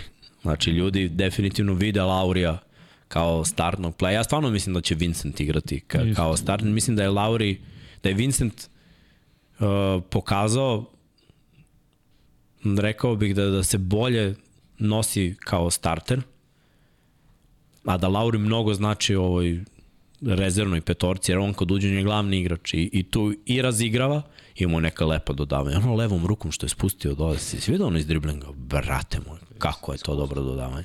Svaka mu čast. Može da uzme neke šuteve, naš ima slobodu. Ovde nema toliko slobodu u, u startnih pet da uzme neke šuteve, kao u drugoj petorci kada uđe. I to ja mislim da Lauriju isto znači. Vincent je u nekom zaletu, sad bi ga možda sasekao kad bi ga vratio na klupu da Lauri uđe. Mada ko zna. Pritom mislim da ako gledamo odbranu, na totalno dva različita načina bi oni čuvali Mareja. Mislim Ili da li neko drugi da čuva Mareja, Pa da li jasno. pustiti Jimmya. Pa da, sad to treba predložiti. Mislim da će biti dosta Jimmy Butler na, Kyler, na Kyler Mare, bože, stalno ih mešam na ovom Jamal Mare. Znači, stalno mešam Kylera i Jamala. Da će više biti Jimmy Butler, zato što fizički može da isprati, ima snage, on je i bio All-NBA defensive team ne ove godine, od prethodnih godina je bio odbranu igra na jednom elitnom nivou. Ono što je prednost Miami je potencijalno jeste što imaju dužu klupu, jer eto baš sa klupe mogu da uđu da kažemo da će u petorci biti Lav umesto, ne znam, Strusa ili Martina, ja kažem umesto Strusa. Da će ući Strus sa klupe, ući će Duncan Robinson, ući će Kyle Lowry sa klupe, možda eventualno i Highsmith neki minut, ako se Tako. vrati Hero. Ali će to biti smo rekli, imamo i- Kako će u njega sad da uklope i, i koga, od koga će uzeti minute za Hero-ovih nekih, da kažemo, na početku 20-25 minuta. A Duncan, brate moj. Rekao sam Duncan Robinson. Jesi, ja? Da, da. Dobro, mora pro- Duncan da, da, da ima svoje minute. imaju produženu klupu i tu je možda prednost Miami. Ali Hero, pazi, neće pre treće tekme. Pre Miami neće. Tako da Robinson mora da dobije neke jače minute mm. -hmm. ofanzivno, a Highsmith zbog defanzive i eventualno tranzicije. Tako, možda će Highsmith čuvati Mare, uzeti Mare kad je na terenu tih, da kažemo, 9-10 minuta. Ne bi me uopšte čudilo da probaju sve, jer je Spostera genija košarkaški na svaki način sve defanzivne šeme da kreiraju da bi usporili Mareja. Jer Da. je stvar u tome... Mare u toj rezervnoj mm -hmm. petorci, kako smo rekli, Gordon Green, uh, Bruce Brown Aha, i misliš, onda bude Mare i eventualno ili bude drugi Brown ili bude ili KCP, nekad ostane Michael Porter, sve zavisi, Da. ali Mare tu ima apsolutnu slobodu da radi šta Tangije. hoće i to je u stvari možda prilika da, da Hagas ha, Highsmith preuzme. Tako, zato kažem i za Denver, mislim da treba da dobije minute Christian Brown. Baš zbog rotacije, jer bolje da imaš i Grina i Browna, Brusa Browna i Christian Brown, jer sa druge strane imaš četvoricu, maltene, koji su Strus, Duncan Robinson, Lauri i Highsmith koji će dobiti 90 minuta i verujem da će to ciljati s postra kada je Marej već umorniji, Znači da, ne, da će ući, ući možda sredinom četvrtine i onda će ga preuzeti Highsmith. Znaš šta je najjače od svega? Što mi uopšte ne dovodimo u pitanje da li će neko moći da čuva Jokaru. Pa nemaju koga. Pa znam da nemaju, mislim, zato smo i prežekivali Miami, nego zamislim mi analiziramo sad finale i izostavljamo najjačeg igrača u ligi, u ekipi Denvera, jer smo u fazonu da niko ne može da ga čuva. Mislim, Adebayo jeste Kako bio... može Miami najpribližnije da proba da ga čuva? Pa moramo da vidimo, mislim, to bil bi idealno da imamo naravno Dobro, znaćemo posle prve tekme, vidjet ćemo kako su defensivni probali. Šem. Neko je napisao ono pre par nedelja ili prošle nedelje da kada Adebayo čuva Jokića, da Jokić ima nešto lošiju statistiku, i, ali okej, to je regularno. Loša statistika ima triple double. Ne znam, 22 poena je bilo i ne znam šta je ostalo, bilo ne Pa mogu se 27 i 19 kad nađeš srednju vrednost nije Nije, 22. sve u karijeri. Aha. Je neko napisao, ne mogu da se setim. Ali nemoj, znaš šta, ja to ne volim da se hvatam jer uh, ajde da pričamo o igračima koji su tu. Znači, prvo ajde ajme playoff, ajme druga energija, Mhm. Je, sve to kažem. poredimo pre tri godine i sada kad su drugi sa igrači okolo. Jeste. Znači, i u ovom regularnom delu nije igrao Kevin Lava, on bi, ako je zdrav, ako je taj iskočni zglob ok, možda mogao da, ne znam, Prinese. bude tu da pomogne malo. Ali definitivno, ako se bude desilo da udvajaju Jokića, neko je solo. Pa bit će uglavnom Aaron Gordon solo, kao što su radili Lakers, jer ko je čuo Gordona? Anthony Davis. I Anthony Davis je onda maltene igrao free safety i bio sve vreme oko reketa i čekao da blokira šuteve baš Jokića. Jokića je čuo Hachimura ili neka čak i Lebron neko ili ko već se nađe tu, a, a Anthony Davis je uzeo Gordona i ostavljao njega samog. I zato je Gordon u četvrtom meču imao 22 poena i bio imao dosta samopouzdanja da uzme te šuteve. I to će biti ključno u finalu, da on uzima te šuteve. Ne samo on, nego i KCP i Porter, ali da, i on. Jer Mislim će on da imati oni- mismatch tako direktni. Je. On će imati najviše prostora, od njega će da udvajaju. Tako, ali ako neko priđe njemu da pomogne, treba imati smisao i Tako posle... je. Mislim, sve to Denver radi. Denver igra in- inteligentno i lepo. Čini mi se da, da su sklopili ekipu od ono pametnih ljudi koji, koji znaju. Prvo, i zalaganje na visokom nivou, želja na visokom nivou i igraju nekako lepo i nesebično. Imaju jednog igrača koji je tu malo sebičniji, ali ajde, svaka ekipa bi trebalo da ima jednog takvog. Dobro, taj, mislim, ako mislimo na Ako taj Mareja, uđe u seriju, brate, to je... videli smo šta je radio. Taj ne gori, taj izgori. Ovaj, ajde, ajde da vidimo, bilo je neko pitanje, sad sam malo scrollovao i zezno sve, ali sad ću da nađem. I, I zaista nadmorska visina je ogromna, ogromna prednost za Denver Nuggets. Svi pričaju, mislim, to je ne znam ko je igrač, pre nego zadržim sam to, sam ne znam ko igrač je pričao o tome, možda smo i ti ako... Da im, da. Da, to smo ti ja smo to pričali. Jesmo rekli u podcastu ili ovako? Uh, Mislim da smo ovako pričali. mislim, ja mislim da sam pomenuo i u podcastu juče. On nisam siguran. Više Jesi ne znam ni ko je dan i šta. Da, da, mislim da jesam. On za, da, Za nadmorsku visinu da, da, i... Ne mogu se jesam bre, jesam. Sećam se da sam preslušavao. Okay, okay. Ovo juče. Da, ja sam ta budala koja odradi podcast, posluša svoj podcast. Dok odgovara ljudima na pitanje. Da, neko je napisao tu, ovi ne odlaze, samo snimaju. A, kolika širina je Denvera u odnosu na klupu Miami? A, pa, zahvaljujući ovom, ovoj povredi Hirova, opet ne znam kako, Melon isto osam igrača forsira. Znači, obično uđu Green Brown. i, i Christian i Bruce Brown. To su igrači koji ulaze s klupe. A skratio je minuta Christian Brown protiv Lakersa, mislim da to ne treba radi protiv Miami i treba da bude i dalje 8 u rotaciji. Da nađeš za svoju osmoricu makar 10 minuta nekako. Miami je rotirao s malo više igrača, bez obzira na sve te povrede koje imaju. Znači, ajde da kažemo da, da je i ako Lavi nekad bio na klupi, nekad je ulazio, ali i ovaj 10 igrača uh, i Zeller 11 ako računaš Zeller. i, pa moram da ga računam, ulazio je. Znači imao je neke svoje minute kada, kada bam malo odmori. Znači imao je njega, imao je Highsmitha, imao je Laurija koji uglavnom ulazi iz klupe, Tako je Duncan Robinson. Duncan Robinson ulazi iz klupe, Znači, znači Kevin Lava tu. Pa ajde da kažemo, eto to je već pet. Znači, ja računam i Hero koji će se vratiti treći meč. Imaju du, dublju, dublju... da li će Hero biti u startnoj petorci? Bio je u regularnom delu, ako se oporavi. Pa mislim da Trebalo- će biti ovog prvom meču. Mislim da će ući s klupe. Iskreno. Nisam siguran da će startovati, stvarno.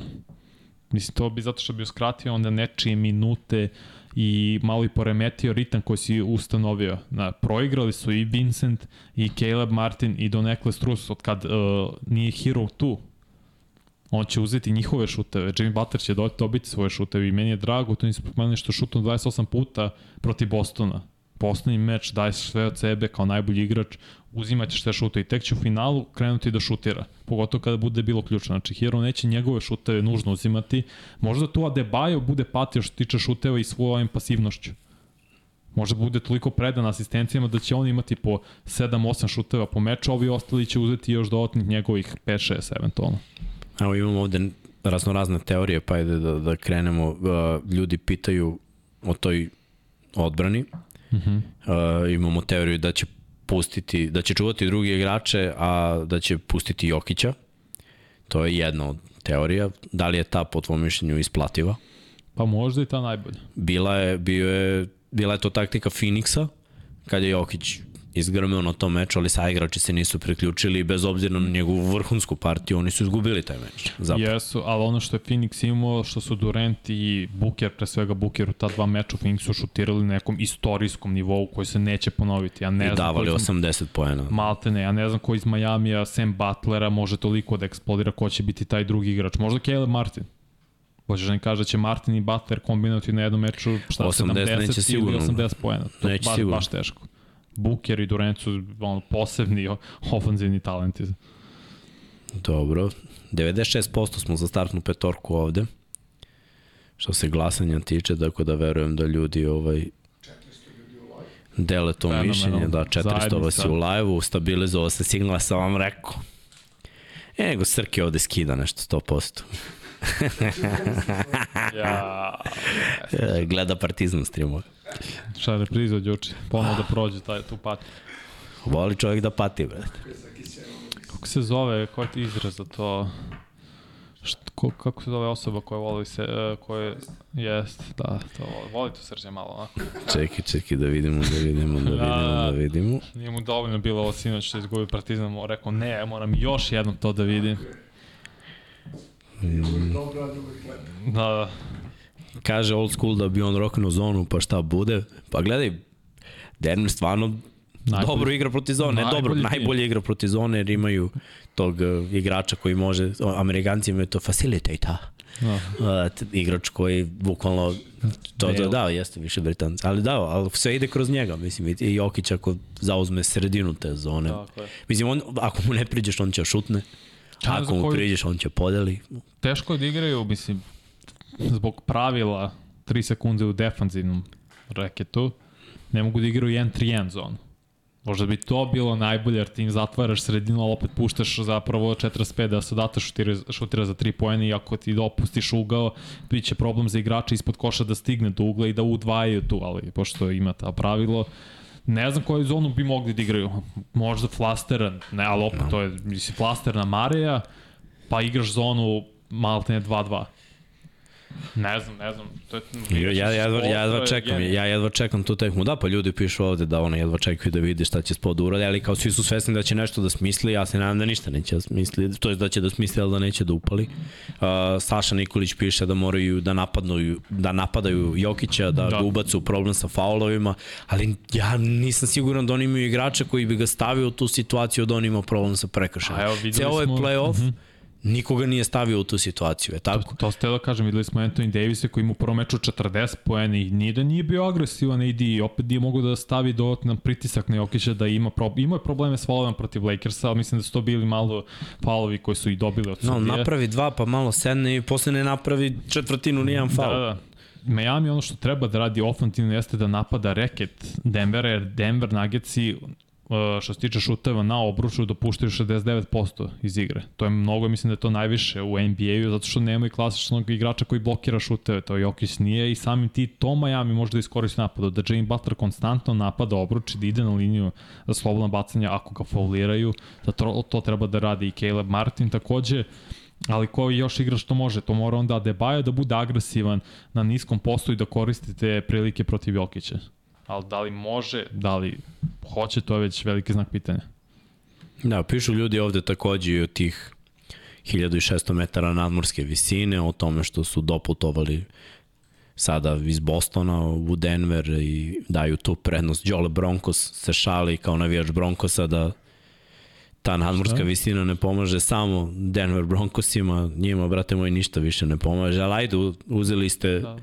uzeli ste prsten pre do, pre koliko 7 godina, dosta. Ko? Denver. Kaže, samo Broncosima ne pomaže nadmorska visina u Pa Denveru. dobro, pomaže, ali nisu igrali... Opa, istina, šta si rekao, Srki? Šta šta?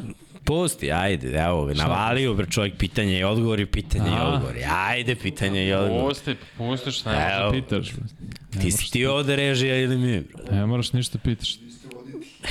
Pa dobro, jesmo, to je tačno. Srki, brat naš. Hoćeš da ti parelomim sa još jednim free betom? Na početku, a? A, pa sve. Ajde, brate, šta? Pa mislim dalje radimo na Sad će analizu. Vanja, sad će Vanja da vas... Ajmo, Beograđani, pitanje za vas. Beograđani.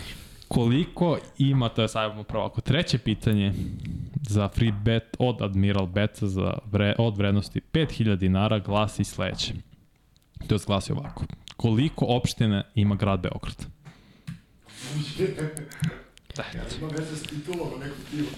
Ili Nema, Pa, ovo nije kako- uopšte sportsko pitanje. Nije sportsko pitanje uopšte, neko mi to pao danas na pamet. Tako da, eto, koliko opština ima grad Beograd? 204 glasa za ovu petorku, to ću da ugasim. 96% će to da bude petorka. Ulalala, vidi ovo leti. Hamato Yoshi 11, 17. E, ko je rekao 17? Hamato Yoshi. Prva dva odgovora. Liku je suđeno da dobije ovaj free bet. Upravo je 17 opština ima Beograd. Siga je sledeći koji je pogodio 17, ali nedovoljno brzo. Jer znaju ljudi, ni očekaj, nisam očekivao toliko. Da, da, vidi, baš ima dosta odgovora, 17. Da, eto, 17 titula Lakers, 17 Boston, 17 opštine. Da, Sada da. kad neko, kad neko napiše ovde, kad ih nabroji. Uh, E. to svaka čast, je osobi.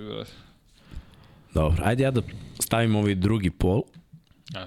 koji mi je bio predložen od strane publike, a to je da li Miami treba da igra zonu. Dok čekaš odgovori, ja mi nešto. E, da, tab, ne. Pusti. Pitite zajednicu.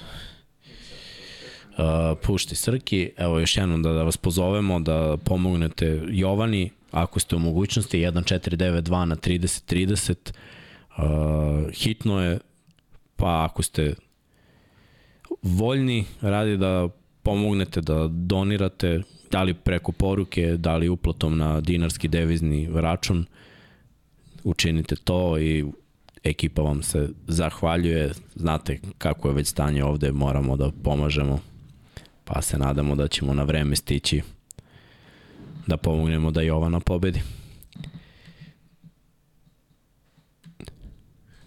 E, sad glasanje ovde ide. Pa, dok čekamo ovo, za sada ne je odgovor koji vidimo u većim procentima. I da ljudi iskoriste ove free betove, potrudit će da budu sutra baš za NBA finale, za prvu utakmicu i ako nema, ako to jest ako neko nije registrovan, nek iskoristi kod 1M baš za prvu utakmicu NBA finala.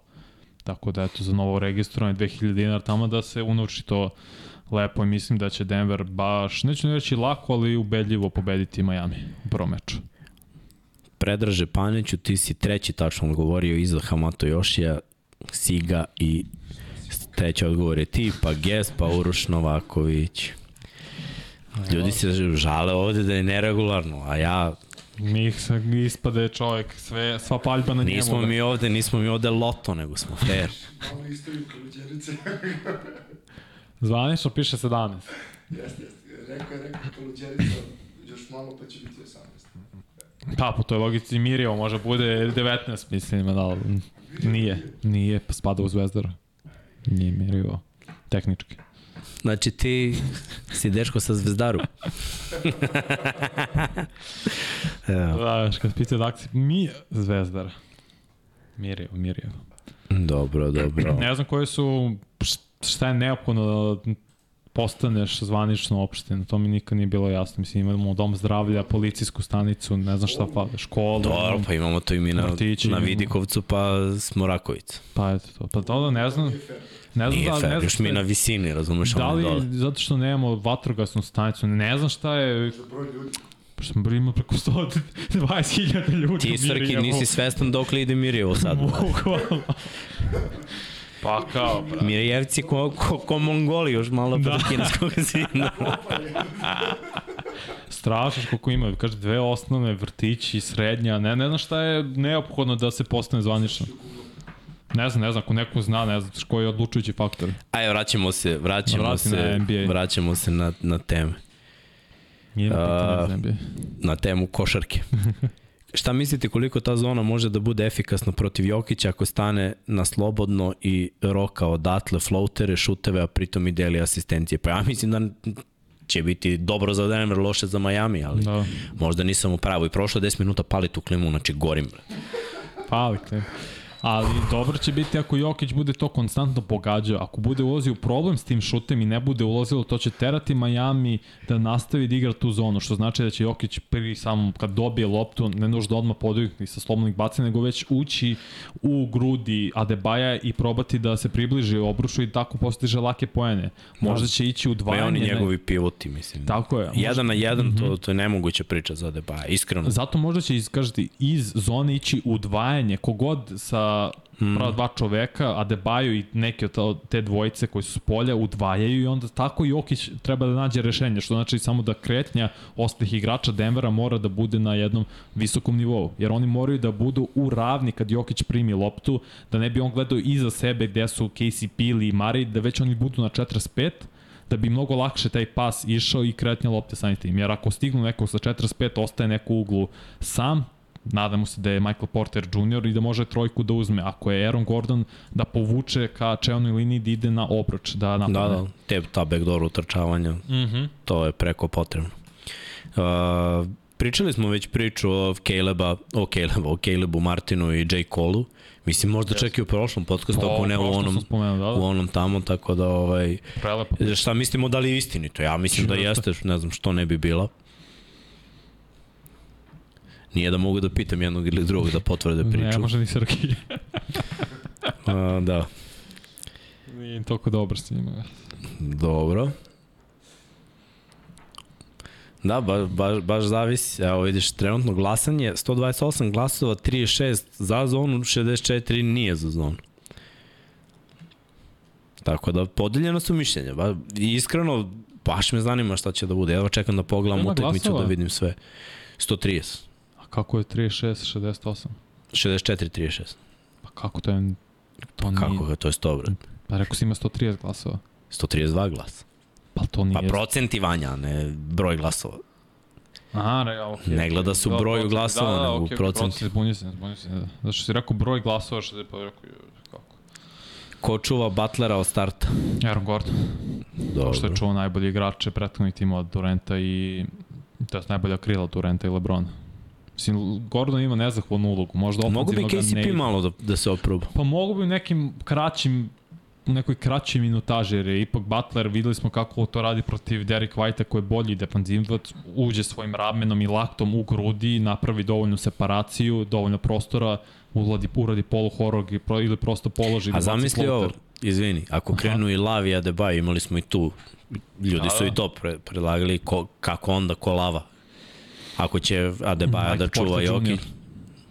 Nije više toliko lav fizički dominantan kao što je bio u Minnesota na početku Ne Cleveland. znam, Ma dobro sve stoji, ali ne znam, nisam, nisam nešto siguran. još ne napada toliko koš, niti ne ide na skok to, u toj, toj meri. Hvala Jer što si to rekao pa da ga pozoveš da se povampiri sad kad ne treba. Neće, neće, neće.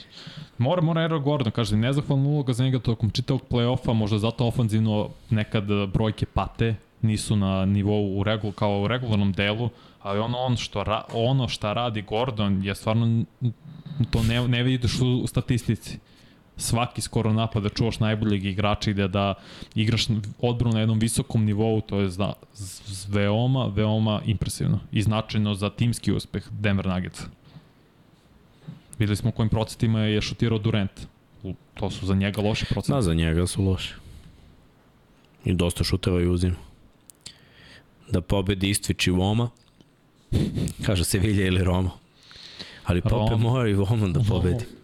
Finale Lige Evrope.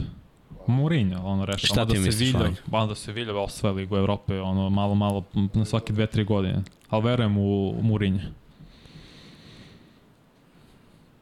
Dobro. Pitanje je koliko benčuje. Ne radim više ko nekad.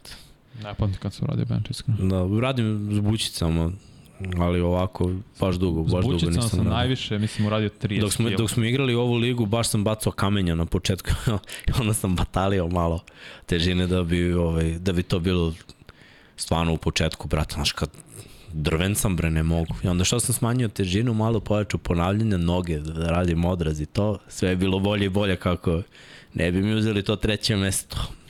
Još da se nije žrtvovao idemo- bench. Idemo u petak da šutiramo pre podcasta. Da. Da. Pošto ćemo raditi svaku dupli podcast u petak. Inače, rekord na jednom ponavljanju mi je bio 140, a na testiranju prvog tima našeg je bio 15 puta stotka. Mi smo više radili na ponavljanje stot, kao ono kao za kombajn. Da, da. To mi je bilo 15, a koliko, kada smo radili, pre tri godine naš kombajn. Dve.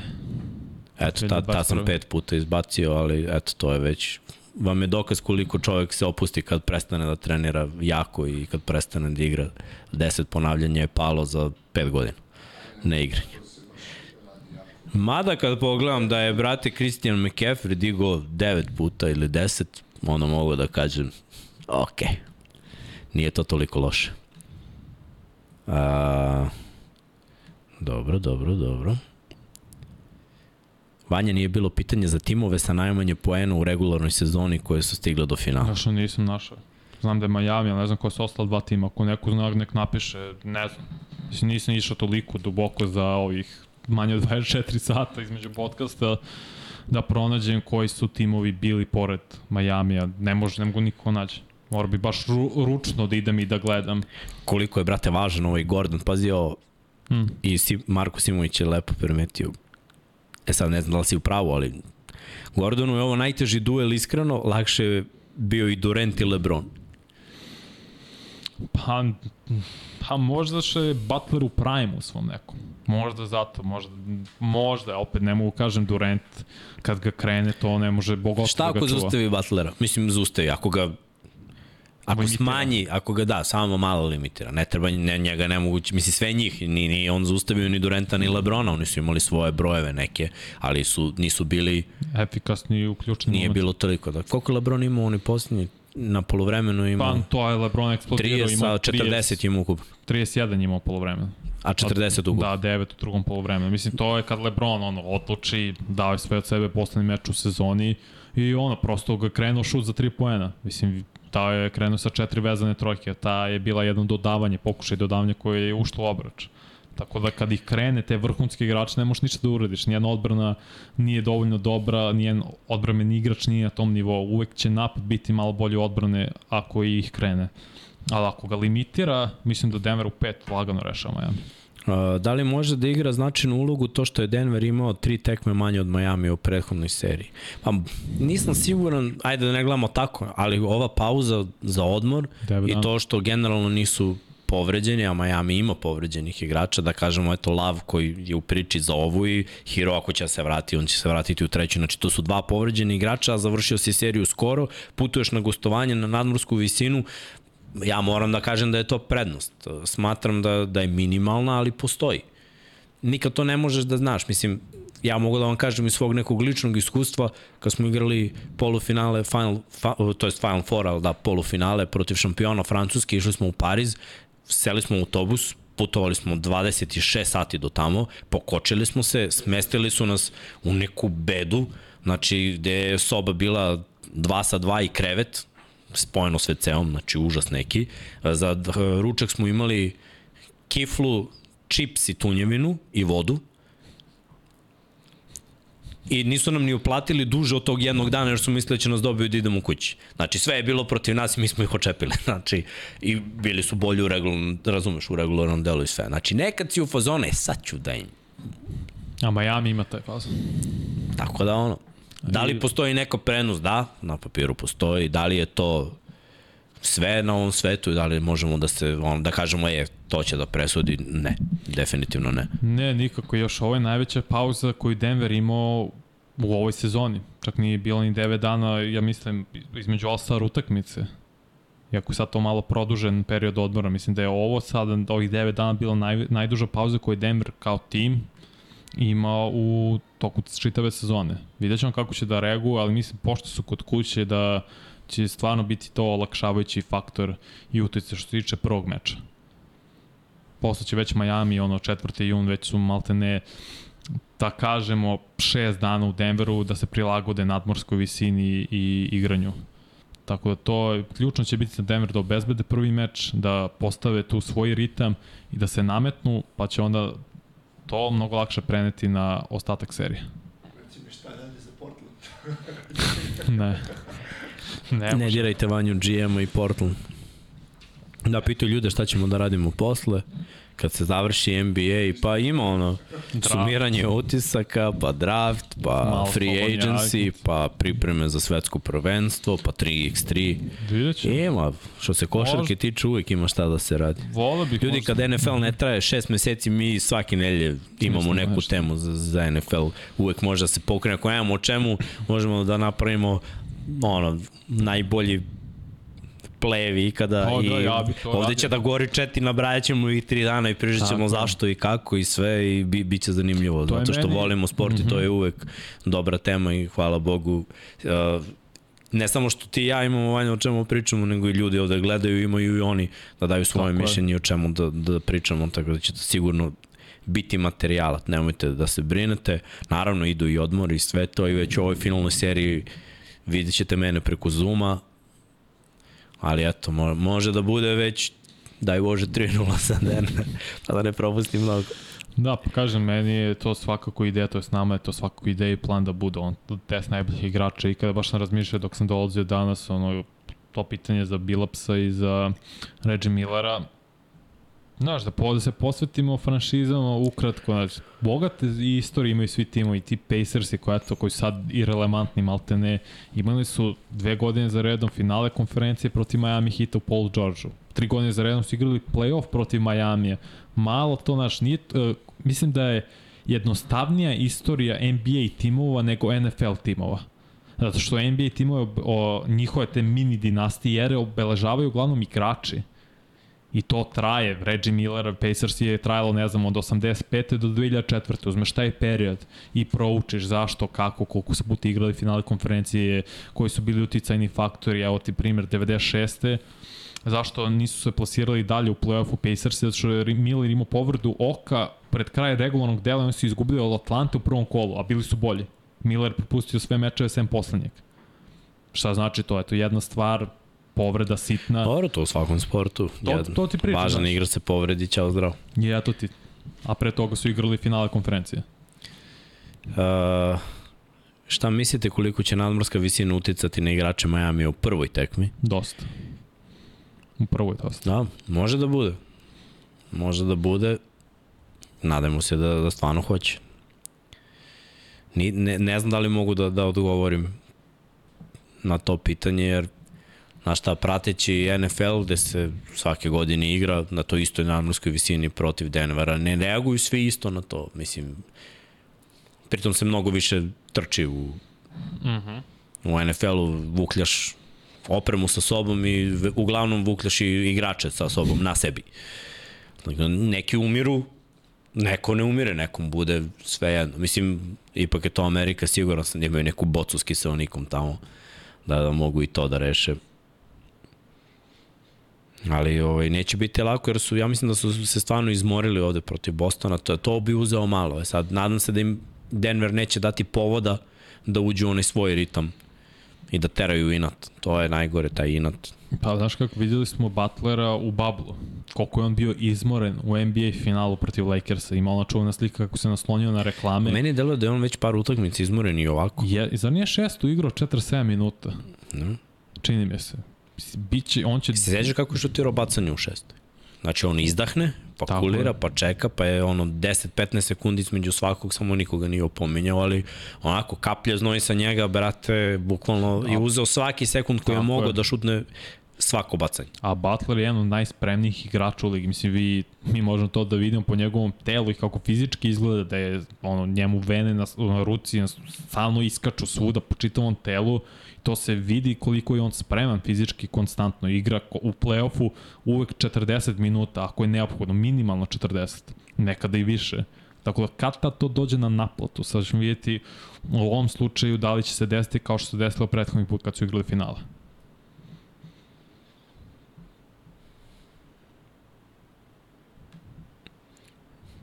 Da, sad ovde malo imamo neka poređenja. Koje? Kaže, Denver ide na Floridu sa 2-0 i tamo uzima barem jedan break i ćao zdravo, debeli sam borac, uzima prste, kaže Lazar Jovanović. Dobro, ja tako isto neko vidim. Koliko vidiš? Kako vidiš ovu seriju? Dosta Dem- ljudi ovde bacaju pet. 4-1, 4-2. Denver u pet. U pet, a? Da. Kako ste svi bre puni samopouzdanja tako. Nemam pojma, ne znam. Moraš da daš neku predikciju. Pa mislim da osvaja Denver, ali ne mogu da kažem ukoliko tek. Znaš da nemam predstavu kako će da ide uopšte serija. A, I ovo što sam, pazi, što sam Miami i Boston pogodio, igrom slučaja, prvo Denver i Lakers i nisam pogodio, nisam očekivao sweep nikako. Ovo sam očekivao 7 tekmi, ali ne 3-0, 3-3, 3-4, Da. to baš nisam očekivao, nego je trebalo da bude drugačije, što je fail. Znaš, ba, baš ne pogađam. Videli smo kosture naše, nismo pogodili. Ti si pogodio da će Denver duđe, ja nisam ni to. Moja prva, prva runda je moja, ali ovo drugo, Da, da. ništa nisam uspeo da pogodim. Tako da, ne znam, ima smisla, imaju načina, želim da vidim prvi meč i adjustment. E onda kada vidim prvi meč i adjustment, onda mogu da kažem, ok, ovi su odreagovali ovako, da li je prošlo ili nije, znači kako su nešto promenili, kako su se prilagodili, ajde da kažem i po srpski, to prilagođavanje će mnogo toga reći. A, ne želim te, želim da Jimmy iznenadi. Bilo bi lepo da bude 4-1, 4-2. Kaže, ko je mogao ovo sve da ispogađa? Pa neko je sigurno pogodio. Ja Mislim, znam jednog E- ESPN uh, eksperta, mislim da se zove Izrael Gutierrez, koji je stavio pred početak sezone finale Miami, Denver, Miami u 7. Mislim, pogodio je finale, sad nadam se da neće pogoditi ovo, ali znaš, desi se čovjek, mislim, on je i delom iz Miami, pa pontet, potencira često hit, ali opet, teško je pogoditi. Stvarno, stvarno mislim da je ono, bilo skoro nemoguće da neko pogodi da će Denver i Miami igrati finale. Mislim, možda ne na početku sezone, zato što Ali je... Denver smo mogli da vidimo do nekle u finalu. Pa znaš kako, na Postao je početku put. sezone i nisam toliko mogu, jer evo što, to je splet okolnosti koji se dešavalo u regularnom delu sezone. Jer mislim da bih pre video Miami da uđe u finale, pošto je igrao finale i konferencije prošle godine, bio na Pa utakmicu. nema da gledaš na početku, na polovini sezone, E, na All-Star break. E pa to to, do, dotle dolazim, već, došli smo do polovine sezone, Denver je prvi, onda je već bilo fazon, ok, Denver može da ima du- dubok onaj, run, mislim, ne znam kako to ono, da prevedem kod nas, ali du, uh, duboko da igra u play-offu, da dođe do makar finala konferencije, što sam i mislio da će uraditi, to u sredinom sezone, ali Miami je bio u padu. I sa formom i sa igrom i bili su grozni u napadu i nisi, nisi mogao tada da vidiš Miami da će igrati final, nikako. Zato kažem, uh, njihova putovanja, mislim ono što Amerikanci kažu trajectory kao, išao je suprotno. Maja, Denver je išao gore, Miami u dole, Miami onda jedva uđe u playoff, Denver bude prvi, niko ne daje šanse Miami protiv Milwaukee, kad je počeo playoff, ja verujem da niko nije mislio da će Miami igrati final. Da, ja, ja stvarno priznam da nisam, baš ih nisam video. Naročito prvo što su izgubili od Atlante u play-inu, Atlanta je meni ekipa koja ono daje poene, ali tu sam se baš zabrinuo za Miami. A pre tog play-ina mi je delovalo pričao sam s Lukom da oni krenuli su da klikću i rekao oni ako uđu kao sedmi nosilac pa Boston, ko zna, naš repriza tog finala i eto bila je repriza finala u finalu jer su oni došli nekim nerealnim putem, ali došli su svakim čast, mislim. Sve su to zaslužili, ništa to nije Da, poklonjeno, nego zasluženo. Dobro. Kaže Marko Simović, mene je samo iznenadilo da niko bukvalno ništa ne može Jokiću, to sam promašio iskreno.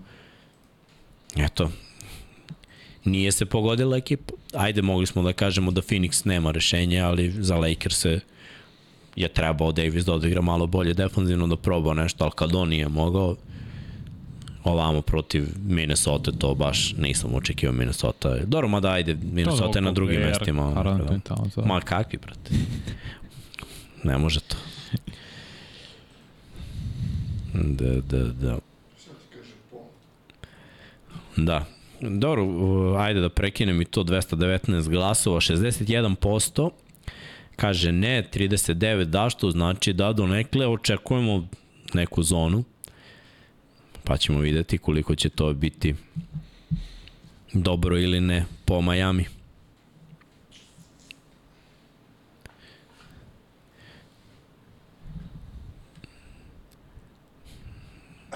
Protiv koga Jokić ove sezone najlošije igra i ima match-up.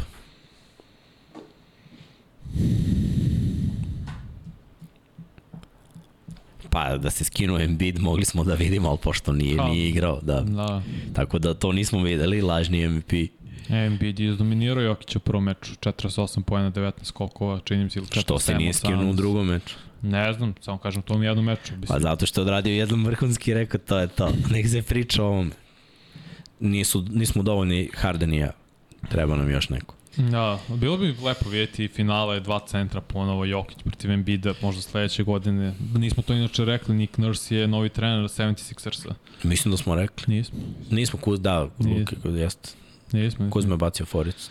Da, za Doki i Nurse. Nurse, kao, prašli su sa doktora na medicinsku sestru, ali biće zanimljivo zašto je Nick Nurse, naj, to je Toronto Raptors i dok je vodio Nick Nurse njih, najbolje branio Embida i sveo ga na najmanji na broj pojena po meču. I sada dolazi naravno u timu gde je Embiid, bit će vrlo zanimljivo i sviđa mi se ta selekcija. On je odbio Phoenix Suns da bi bio postao trener 76ers. Tako će sad vidjeti u kom smeru će ići Philadelphia i mislim da treba se fokusiraju na Maxija, da ga promovišu u smislu da on bude opcija broj 2 zvanično i da on svoju igru, to jest nastavlja da, napred, da napreduje i da dođe do All-Star nivoa što mislim da može na istoku. I da se napravi novi tandem Maxi i Embiid. A Harden, e, mislim, ako hoćeš ost- da ostaneš super, ako ne, sve je okej. Okay. Mislim da je vreme za Maxija da bude najbolji back u toj ekipi. U play-offu odigrao jako dobro, tako da. Igro je dobro, igro je dobro. nebo je granica. Uh, ajde kad smo kod tih vesti, imamo još neke vesti o novim trenerima. Draft ćemo da ostavimo za, Šta što je za pa- draft. E, Adrian Griffin je trener Milwaukee Bucks, ne znam da smo to spomenuli pre Nismo, nekoliko pa dana. nismo. Tako, njegov inače sin igra u Atlanta Hawksima, AJ Griffin, mislim da mu, da mu čerka i, i da li čerka ili žena, mislim da čerka da igra u na college nivou ili već sada u WNBA.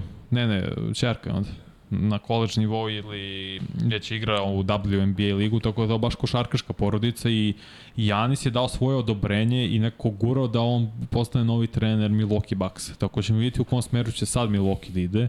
Moraju da, vra, da vrate nekoliko igrača kao što su čini mi se i Brook Lopez i Middleton. Mislim da njemu ističe ugor za Brook Lopeza s nama, nisam siguran za Middletona. Tako da vidjet ćemo kako će sad da se formira tim oko Janisa. Ali ne mogu da kažem ka, da li je dobar odabir trenera ili ne, zato što do sad nikad nije bio glavni trener.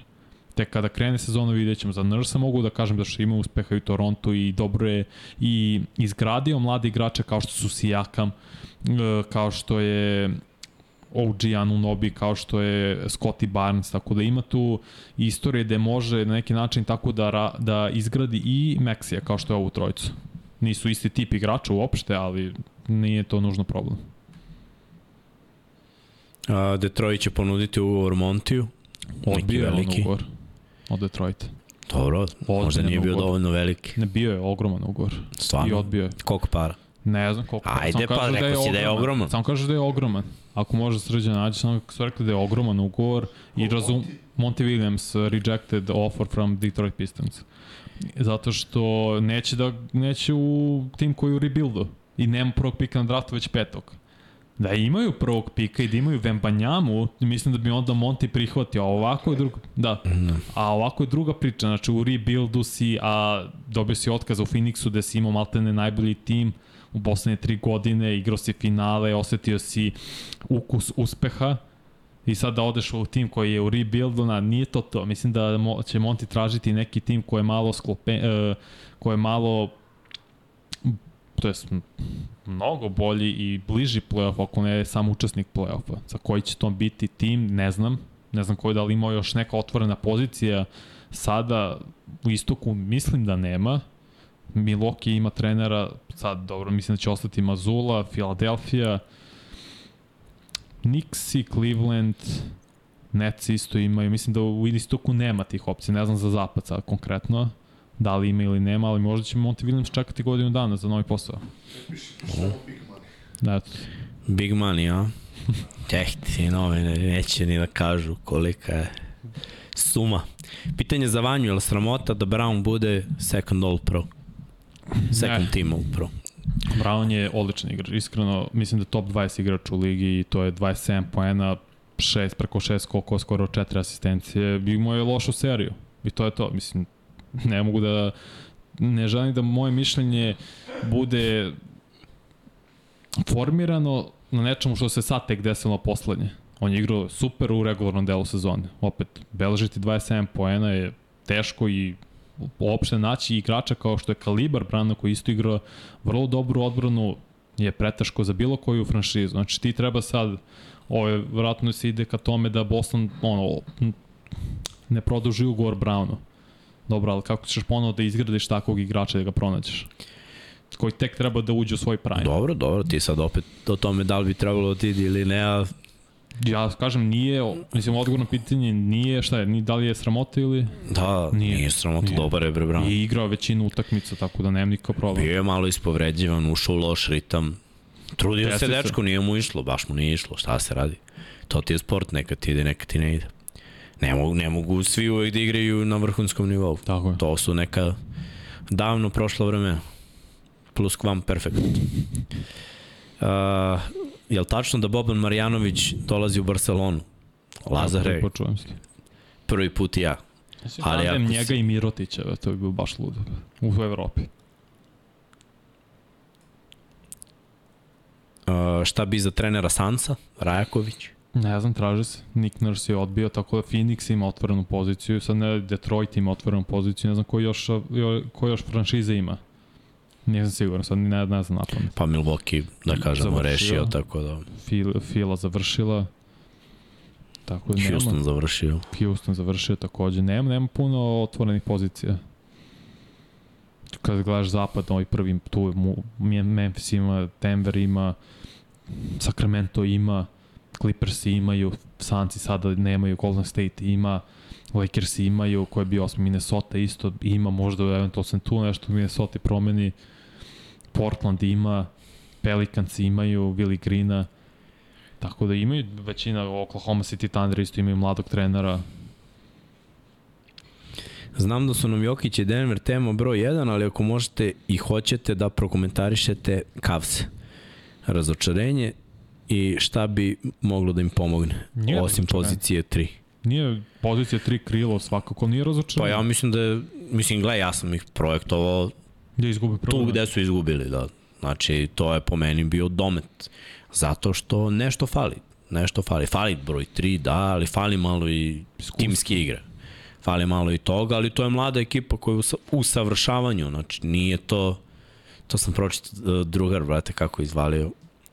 Pre neki dan pričat ću posle. Pa pazi, M- U savršavanju. Mobley je mlad igrač, on mislim da ima 20-21 godinu, u drugu godinu sad završio, Garland je mlad play, mislim da ima 23. Bio je All-Star, ono Mitchell je tu najstarija, da kažemo, od najboljih igrača ima 20, koliko, 7-8 godina. Jared Allen isto mlad centar, mislim da ima 26-7, nek mi ispravo ljudi ako grešim, ali fali im neka klasična trojka koji može da stvara za sebe, ali opet to se gradi vremenom. Mm. Us, ovo je uspeh playoff, ja sam mislio da će pobediti Nikse, ali Nixi su očigledno zreliji tim, imaju više iskustva i pre svega trenera sa mnogo više iskustva. Mm. smo rekli JB Bickerstaff, ovo mu je prvi playoff kao glavni trener. Malo su konstantni i to je, Tako i to je bilo polako, to. dajte ljudi strpljenje. To smo pričali za Celtics, to pričam sad za Cleveland. Mlad je tim, strpljenje, doće to sve na svoje. Scariolo u Torontu. Da, Toronto Sergio. nema glavnog Da. trenera, bravo. Pa što da ne. Bio je on u coaching staffu dugo već. Vanja Šta? za GM-a Warriorsa, kad je Myers To. otišao, svakako Vanja slaže ove timove kao od šale. Ja bih volao da budem iskreno GM, ali mislim da će biti Mike Dunleavy Jr. Pošto je on bio i pomoćnik uh, Bob Myers. Ja bih volao. Da li, da, da li, da li Mazzula ostaje u Bostonu? Ostaje. Dajte strpljenje, ono, kalmate ljudi, dajte malo vremena da se to slegne sve, a možda će vlast, sin od vlasnika Joe Lacopa isto biti što meni je bila glupost da sin nasledi, jer mislim da je Mike Dunleavy igrao u NBA-u, koliko se sećam, i ima košarkaškog znanja i direktno je bio ispod uh, Joe Lacopa, bio njegov pomoć, bio ovaj pomoćnik, pardon, uh, GM-u, sam mi stava mozak kako se zove čovjek. Žaba mi gledaš, brate. Neće ti A pomoći. šta je napisao čovjek? Uh, Myers, Myers, ne znam kako se Bob zove. Myersu, Bob Myersu, Bob. da, da, Bob Myersu je bio direktno mislim- pomoćnik, izvini, Mike Dunleavy, treba on prirodno da nasledi posao. Tako da deluje da bi ono svako State bio u dobrim rukama. E, neko, da, Nixi neće da produže svog GM perija. To možda Myers ode u Knickse, Da. jer je veće Knicksi, kogod da nisu dovoljno dobri ili su loši, to su New York Knicksi, to je market, To je mislim, nemaš ono, Madison Square Garden je najpoznatija hala na svetu. Rekli smo, nastao je na, ovo, na ot- otvoren je današnji datum 1879. godine i bio je nazvan po četvrtom predsedniku Amerike James Madisonu. Ali da, to je najveća franšiza u NBA-u i ako ti nekako dovedeš njih do titule koji nisu videli 40 plus godina od 72. treće, to je veći uspeh nego Golden State Warriorsima. Jedna titula njima više vredi nego četiri s Golden State-om, ljudi verujte. Jer je to New York City. Uh, koji bi superstar prvi mogao da napusti svoj tim, superstar lice franšize, pita Bojan Bukvić i donira nam. Hvala. Uh, hvala Boki, a, pa pazi, nije lice franšize, ali Harden je superstar, ja mislim da bi on mogao da ide dalje. Ti si spomenuo Lillard, Brown. Lillard bi mogao da ide dalje, on je lice franšize i superstar. Da. Kaže, ti si spomenuo Brown i on se posle dao predlog te treći pik Portlanda za Browna. Mm -hmm. Da opet daš Lillardu neku šancu. A ovo je iz Atlanta. ovaj. Trae Young. Treba se, da, Trae Young, treba se zapitati, mislim, i sa strane Lakersa da li vraćaju ovaj tim i šta, jer i to bi možda moglo da bude. Ja bih pre vratio, iskreno. Pa ja bih, ali da li će da bude to, ne znam.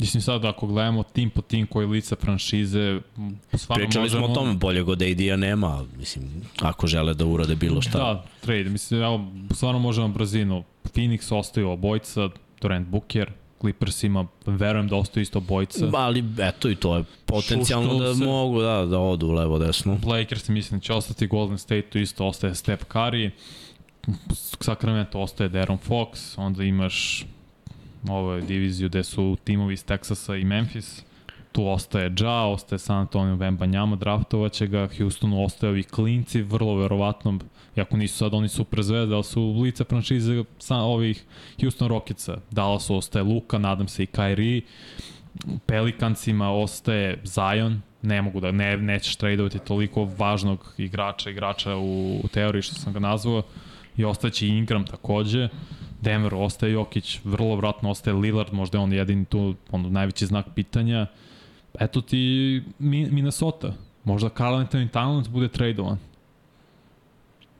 Pa dobro, To je isto. nije on više lice franšize. Nije, bivši. Nije ni superstar. Mislim da je izgubio to zvanje superstar. Mislim da Sad je nikad dobar nije bio igrač. superstar. Mislim da je on... A u jednom trenutku je delovao kao Nick Nurse, uh, Mhm. iako je već potpisao, to smo malo pre rekli. Da, jeste, jeste. Da, da, kaže Nick Nurse u znak pitanja, on je u Fili. Tako da, on je rešen. Jeste. Eto, pa tu nabrali smo dosta, mislim. Utah Nije da nema, drži. nije da nema igrača, ima, ima i to dosta igrača. Možda treba gledamo ka Washingtonu napokon da urade rebuild. Možda Bill bude ono, available, slobodan. Pitaju mnogo ljudi sad ovde je krenulo da puca o Treju Youngu, gde bi on mogao i šta. Što Mislim- dalje od Lakers. Da, pi, pišu ljudi svašta. Mislim, jeste on dobar poenter i asistent, ali ono, gubi dosta lopti i ne igra odbranu, tako da Gledajte ljudi, treba, treba ovaj, naći Mhm. ekipu koja može da iskoristi sve, sve njegove vrline, a da ne pati mnogo zbog njegovih mana. Sigurno Tako. može da se iskombinuje to. negde. S- Pa da, sigurno može, samo je pitanje gde. Kažem, ljudi, gledajte situaciju Bradley Bill u Washington Wizardsima, jer mislim da je napokon vreme da krenu u rebuild Wizards, jer ovo ne udi nigde. Zagreven si u nekoj limbo fazi gde si ni dobar ni loš, nisi dovoljno loš da imaš top 3 pika, nisi dovoljno dobar da uđeš u ovaj, kako se zove, play-in. Ovo je grozna situacija za bilo koju franšizu, toko gledajte Bradley Billa kao potencijalnu metu za većinu ovih boljih timova koji dalje, mislim da je dalje Bradley Bill all-star igrač i neko koji u napadu pre svega može dosta doprinese i dovoljno u odbrane. Tako gledajte Bradley Bill i gledajte Chicago šta će uraditi sa DeRozanom, Lavinom, jer šuška se da i Vučević i Chicago žele da produže ugovor, da ga obnove, a sad, opet, Chicago bio 10 i bio u play-inu. Šta je njihova budućnost? Šta će oni raditi, mislim, pre sa DeRozanom, da će njega tradeovati, da će ostati sa Lavinom jer je mlađi i trenutno bolji igrač. I Vučević. Da. Ko zna? Ko zna? Dobro. ajde da kažemo da bi to otprilike bilo to. Sve, mnogo je faktora. Sad mi možemo ovde da bacamo teorije i sve i lepo je to raditi iskreno, ne mogu da kažem da nije. Uh, imamo mi neke naše prognoze, vidim da imate i vi vaše, ali uh, Vučević je slobodni agent, kaže Đole. Ne jeste, ali kažete i Ja mislim da će ga vratiti. i sa strane Čikaga i, I njegova njegova da- želja da obnove ugovor. Tako je. Uh, šta misliš o tome ako Bradley Bill dođe u Denver? Pa, mislim da nemaju para oni za Bradleya Da, Billa. nemaju sad za to, iskreno. Mm. I nema potrebe. Denver je sklopljen tim i spreman da osvoja sada i narednih dve godine, ja kažem. Ta priča pala u vodu ulaskom u NBA finale sada. Uvek treba da se unapredeš, ali treba zadržiš svoj kor još sledeću godinu. Dobro. Ajde da privodimo kraju. Ajde. Da li Bruce Brownu ističe ove sezone? Da, Ističe i player to je opcija. onako... Ja sam pričao o toj teoriji da ako osvoje, da je nekako sve previše primamljivo i jeste da će dobiti više para na drugom mestu, ali možda bi Denver mogao nešto. Onda prihvati manje, oni nešto da istumbaju i da ostane. Malo manje da prihvati Bruce Brown, malo manje, ali Denver mora da uđe u onu, uh, da plaća dodatni porez. I Ali, brate, ako osvojiš, a znam, ali ako osvojiš jednu, Moraš da uradiš. i zapad je nekako tako namešten da bi mogao da osvojiš još jednu. Moraš to da I uradiš. Moraš to da uradiš. Moraš, ne- ne možeš I da ja, odustaneš. ja bih to uradio, ali opet, ko smo mi ovde da se pitamo, mi niti imamo milione, niti ih dajemo. Još uvek. Da. Te, vidi, GM ne odustaje. Uh, dobro, ljudi, uh, još jednom hvala vam uh, što ste pratili ovaj podcast, ispratili smo sa skoro 400 ljudi u live-u. Sve ovo, imali ste prilike da vi date vaše petorke, analizirali smo sve, prošli smo, još jednom da ponovim utakmice u noći između četvrtka i petka, pola tri, ujutru, bit će ovde u live-u kod Luke i Kuzme, oni će gledati ja verovatno s njima, vidjet ćemo kako i šta, oni će podcast po, početi izutru u 10, pa kako će to da traje, da li ćemo prekidati, nećemo, pojma nemam, ništa se nismo dogovorili, ali tu je želja i tekmu ćemo gledati, to je sigurno. Što se tiče našeg podcasta, mi ćemo to odmah u petak, znači nakon utakmice, u šest, ovo je neki standardni termin, vidimo ovde dosta ljudi na poslu pusti, pa brže prođe vreme, drago mi je da je tako, vidim da je jako dobra energija bila i ovde u, u četu, tako da mi se to baš sviđa, vidim da svi imamo onako dobru energiju i dobru, dobre prognoze, dobru želju i dobro poznavanje materije pre svega. Tako da baš evo čekam da vidim da li smo u pravu ili ne i nadam se da da smo u pravu, da se neće desiti uh, ništa što bi moglo da, da pokvari tu prvu utakmicu. Još jednom da vas pozovem da lajkujete, da se subscribe-ujete ako niste. Hitamo na tih 27.000 od uh, 21 čas počinje Lab 76, tu će se pričati o MotoGP, o malo o motorima, ako pratite to čekirajte, ako volite NFL u petak posle 1 na 1, 99 yardi, analiziramo raspored NFL-a, NFC-a, pardon, mm -hmm. dobro i NFL-a i NFC-a, Tako da kad se sve to završi, imamo slobodan vikend i čekamo nedelju na ponedeljak, tad je druga utakmica između Denvera i Majamija.